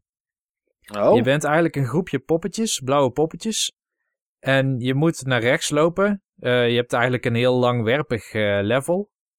En het scrolt. En je wordt eigenlijk tegengezeten door een aantal rode poppetjes. En het doet een klein beetje denken aan zo'n minigame die je ooit in Mario Party had, waar je door een hele stroom penguins naar rechts moest lopen. Ik weet niet of je ooit dat hebt gezien. Maar hier ben je dus een groep van, in het begin ben je geloof ik vier blauwe poppetjes. En je moet eigenlijk proberen te voorkomen dat je tegen rode poppetjes die je tegemoet komen lopen aanloopt. Dus het is maar vooral wel die uit- groene pakken of zo. Het kunnen ook allemaal groene zijn hoor, maar ik ben kleurenblind. Hè? Dus voor mij zijn het blauwe Ah, en rode oh poppetjes. ja. Ja, jij zelf bent iets van rood. En, en de poppetjes die je tegemoet komen zijn groen. Maar ik zag ook een rode soms beneden. En soms zie ik ook een soort van sheriff voorbij komen. Misschien is die select switch dat die tussen kleuren cycelt of zo. Ja, ik, Kan. Sluit ik niet uit. Maar ik, eh, ik snap er helemaal niks van als ik er naar kijk, moet ik eerlijk zeggen. Nou, stel je hebt een hele groep Pikmin achter je aanlopen. Ja, En je moet naar rechts over de finish lopen, maar onderweg lopen er allerlei, misschien ehm, vlammende kooltjes of zo je tegemoet. Dan wil ja. je eigenlijk met een zo groot, groot mogelijke groep rechts aankomen met die Pikmin. Dus je, je bestuurt eigenlijk een soort vlok. Maar ja, wat, wat heet een vlok? ja, en Atari. ja, ja, ja. Ik snap het. En, de bedoeling is in ieder geval om, de, om dat rode, hij is rood, Mhm. of zij, om die dan zeg maar te vinden of te pakken. Want dat zie je onderin ook op een soort van balkje, hoe ver je daarvan weg bent. Ik denk meer dat dat een tegenstander is. Volgens mij moet je helemaal naar rechts van dat balkje. Daar zit zo'n kleurverloopje. Ja, En daar moet je uiteindelijk volgens mij zien te komen. Wat dat rode is, dat weet ik eigenlijk niet. heel, maar het is wel iets heel aparts. Maar dit vond ik een leuk origineel idee. Wat ik gewoon nog niet kende. En het laatste spel wat ik aan zou willen tippen. ehm, ik, ik heb twaalf spellen opgeschreven hoor. Dus eh, ik wil Adventure nog wel een keer doen. Ik wil Berserk nog een keer doen. Dark Chambers, Dick Duck, Combat, Galaxian. Oh, dit zijn, al- dat zijn allemaal games die je nog wel een keer wil spelen. Ja. Hero. Zouden we Ja. eigenlijk nog iets verder op in moeten gaan zo. Van Activision. Ja, Activision Ja. heeft wat mij betreft bijna alle echt, ja, echt goede games. Bijna van de betere games zeg maar gemaakt. Eh, Jawbreaker. Heel apart spel. Een soort, ehm, soort ja, dit me denken aan Pac-Man. Waarbij de muren bewegen terwijl je speelt. Zodat de ingang steeds verandert. Een soort eh, dynamisch doolhof zeg maar. Dat is op zich wel grappig. De juist genoemde Junior Pac-Man, die vond ik echt leuk. Joust heeft een hele goede versie op Atari. Die ken je misschien van de NES of van andere platforms. Maar dan ben je zo'n eh zo'n struisvogel. En ehm, dan heb je ook andere struis... Het doet me denken aan Balloon Fight van de NES. Oh ja, van de NES. Ja. Zo'n spel. En het kan ook met z'n tweeën. En dan kun je met z'n tweeën eh, co-op dit spel eh, spelen op de Atari. Zag wel goed uit. Eh, ik, had, ik had een of andere race game gespeeld die ook nog best wel aardig was. Je hebt een boxingspel, En- jongen. Enduro? Enduro. Enduro. Dat was wel een van de beste racers. Ik had zo'n top-down racer gespeeld. Die kon je dan ook echt... ehm, het lijkt een beetje op Slick and Slides of Micro Machines. Micro Machines. Oh, oké, ja. Nee, ja, die was... ik zou niet eh, weten welke dat is. Die was nog wel goed. Ja, kabobber. Ja, Oh ja, Kangaroo. Kangaroo is een soort Donkey Kong, maar dan geen Donkey Kong. Je bent een eh kangaroo. Klopt. En die, Om, om je baby kangaroo te redden. Dat was ook een van mijn eerste spellen. ja, die vond ik nog best wel goed. moeilijk. Moeilijk. Ja, ik heb nog niet één level kunnen halen, joh. Want er vallen steeds ehm, blokjes naar beneden. En het probleem is, je hebt, je hebt weer drie verdiepingen. Laten we zeggen, Donkey Kong, zo'n level in je hoofd moet je, moet je hebben. Je wil naar de bovenste verdieping, je bent een kangaroo op de onderste verdieping. Je kan springen en je kan boksen. Nou, er komen af en toe beestjes, die kun je dan wel slaan. En er komen dingen waar je eventueel overheen kan springen, maar je kan onderweg ook nog vruchten pakken of naartoe springen. Het enige probleem is, waar bij Donkey Kong zo tonnen van de trap afrollen, zijn dat hier eigenlijk stenen die naar beneden vallen. Dus die volgen een puur verticaal traject, die rollen niet met het level mee. Ehm, alleen, die kunnen ook zomaar spawnen net op het moment dat je bijna bovenaan de laatste trap bent. Dus dat is een beetje oneerlijk. Oké, die race game die jij gespeeld hebt, denk, eh, eh, Niels, is denk ik Indy 500. Ja, dat is hem. Indy 500. Inderdaad, ja. Niet Dat is zo'n top. Top-down racer in één, eh, in één veldje, zeg maar. Maar ik hoopte dat we het in ieder geval met z'n drieën nog over Hero konden hebben. Nou, dat kan wel even snel. Want dat is natuurlijk mijn favoriete game de Commodore 64. Ja. En Dus ik heb ik die ook dat- op de Atari nu veel gespeeld. Oké, nou wat vind je ervan? Ik vind hem nog steeds heel goed speelbaar. Ja, hè? Het, het doet me wel een beetje denken aan een soort roguelike. ehm, ook een beetje Dead Souls, Dead Cells-achtig. In de zin van, je doet een klein stukje en daarna begin je opnieuw. Ja, daar zit eigenlijk wel iets in, inderdaad. Ja, je begint en je, ja, goed.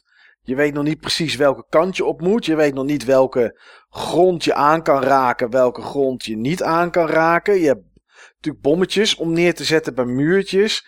Maar je leert inderdaad een beetje de levels. En op die manier eh, probeer je er doorheen te komen. Ja, en steeds wordt het iets moeilijker. En dat vond ik ook Ja. wel leuk. Ik had ook één keer bijvoorbeeld, dat er was het licht uit, denk ik. Dus er was alles zwart. Ja, je hebt, eh er hangen lantaarntjes en als je daar langs komt, en je, soms kan je er net een klein beetje langs, maar als je er langs komt, dan, eh, ja, dan wordt het donker, dus dan moet je weten inderdaad precies welke kant je op kan. Ja. Ja. En je hebt die jetpack. Dat is ook Ja, je hebt die, ja, je hebt die jetpack en het is, ehm, je kan schieten, je kan een soort van laser kan je schieten, daar kan je vijanden kapot mee maken en muurtjes. Alleen muurtjes duurt dan heel lang en dat kost je dan power, want je hebt een balkje power. En als dat op is, dan moet je wel de, het poppetje wat je moet redden in elk level, daar moet je wel bij zijn. Want als je er niet bent, ja, dan, dan ga je dood, dan verlies je een leven. Maar je kan ook bommetjes neerzetten om door, eh, om door muurtjes heen te komen. Ja, en voor de rest is het inderdaad elke keer een soort doolhof level. Wat steeds moeilijker wordt. Je krijgt op een gegeven moment muren of, of, of grond waar je niet tegenaan mag komen. Ehm, en, en op een gegeven moment krijg je ook dat ze bewegen, zeg maar. Dat ze een soort van, van sluisachtige beweging maken waar je dan precies tussendoor moet. Het is echt wel, eh, ja, ik vind nog steeds, en ook op de 2600 heb ik hem niet. Maar ik, ik zou hem daar wel nog eens, als ik hem zie, zou ik hem denk ik wel meenemen. Er zit gewoon, ja, deze game heeft gewoon iets. Ja, die, dat is echt een groot contrast met de meeste games op dit systeem. De meeste Zeker. games die gewoon zo'n single screen game zijn, waar je waarschijnlijk op een eh, ja, soort arcade clone-achtige manier ehm, eh, elke keer hetzelfde moet doen. Ja, Maar hier zat van alles in. Dus er zit behendigheid in, er zit navigatie in, er zit onthouden van patronen in en klein beetje puzzelen ook. Van oké, ik moet als ik door dit gat naar beneden ga, dan moet je wel goed uitkomen, want anders dan land je misschien op een beestje in de volgende ruimte of zo. en ga niet door het verkeer, eh, blaas niet het verkeerde muurtje op. Nee, Dat precies. krijg je in latere levels. Want als je het verkeerde muurtje opblaast, heb je geen bommen meer over. Voor een muurtje waar je nog wel doorheen moet. Eh, dat soort dingetjes allemaal zitten erin. En wat ik eigenlijk misschien nog wel, eh, dat is echt knullig, maar wat ik het meest gave misschien vind aan deze game, qua grafisch, eh, grafisch iets, is dat als je langs zo'n lampje gaat, dat het donker wordt, en je zet dan een bom neer, op het moment dat die ontploft, is alles even verlicht. Ja, En dat vind ik toch wel heel tof gedaan. Dat is echt, dat hebben ze heel goed, heel goed bedacht. zeker. Dit is echt, dit is echt nog steeds een game die, die, die, ja, die staat nog steeds eigenlijk recht overeind. Hero, dat is echt, eh, Goed speelbaar. ja, zeker. En, en leuk ook. Leuk ook gewoon. Op een gegeven moment moet je ook vliegen over water heen. En eh, dan moet je, en die, is het op de 2600 ook zo? Want ik heb echt alleen op de 64 gespeeld. Dat als je omhoog wil gaan voor je jetpack, dat het even duurt voordat die opstijgt. Volgens mij wel, ja. Ja, en daar moet je dus ook rekening mee houden gewoon. Hè? Dat als je, op een gegeven moment moet je, heb je water en dan moet je dan lopen en dan moet je eigenlijk vallen en dan moet je vliegen om, de, om onder een soort van blok door te gaan. Eh, omdat je niet rechtdoor kan, maar dan moet je dus rekening houden met, oké, als ik me laat vallen, moet ik niet pas mijn joystick omhoog doen om, om, om zeg maar, eh, die propeller te gaan laten draaien. Want dan ben ik gewoon te laat. Ja. En dat gewoon in een game, ik weet niet, volgens mij komt dat 83 of zo. Deze 84. 84. Dat een game gewoon uit dat, uit dat tijdperk, ja, dat vind ik toch wel echt heel knap hoor. Ja. Ja, dus Heroes Is het denk ook. Is het ook. Is Heroes denk ik mijn favoriete game, ondanks dat ik hem nooit heb gehad. Maar denk ik toch wel mijn favoriete game op de, op de 2600. Dit is toch echt een mooie game. Ja, goed dat je die nog even genoemd hebt, Niels. Dat is wel goed, zeg. En ik moet het nog steeds een keer uitspelen. Het zijn 20 levels. En ik moet het nog steeds een keer uitspelen. Het is me nog nooit gelukt.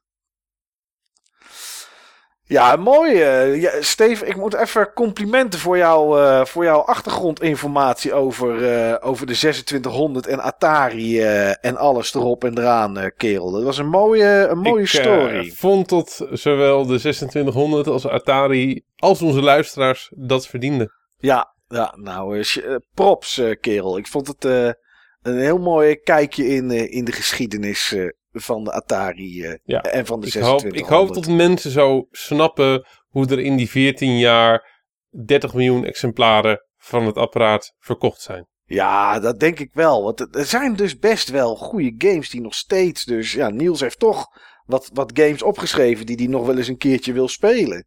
Ja, en Niels, uitdagingje, Mhm. Oude, oude Dark Souls speler. Ja. Op het moment dat, jij, dat het jou lukt om het tweede level van Kangaroo uit te spelen, ben je mijn held. ja, de uitdaging is aangenomen, hè? Ja, Ja, dat ben je ja. echt mijn, mijn, eh, mijn held. ik ben, Wil ik wel een foto zien, hè? Jazeker. Van dat je met die baby kangaroo, zeg maar, dan op die bovenste verdieping eh, staat. Maar man, man, man, wat was dat een shit level. Ja, dat is mooi zeg. Nou, mochten mensen eh, zin hebben om iets over de Atari 2600 te roepen. Er is dus een topic op het Buttonbashers forum. Ik zal, eh, ik zal daar in ieder geval weer even iets in plaatsen. Zodat, eh zodat hij weer omhoog komt. Zoals gezegd, ja, 2016, december 2016 was de allerlaatste keer dat daar iets in, iets in gezegd is. Dus het is niet iets wat heel erg leeft. Maar misschien, door de tijd heen hebben we weer, weer nieuwe mensen op het forum. En misschien dat deze podcast er wel weer aan eh, bijdraagt. Dat er mensen zijn die denken van, ja, moet toch nog eens een keertje iets doen met die Atari 2600. En dan vinden we het eigenlijk voor deze keer niet erg als ze dat op een eh retro Pi doen. Dat eh, is dan denk ik wel een keertje toegestaan. eh. Ja. Zet je gewoon 2 MB aan games op, heb je de hele bibliotheek en dan, eh, en dan ben je daar.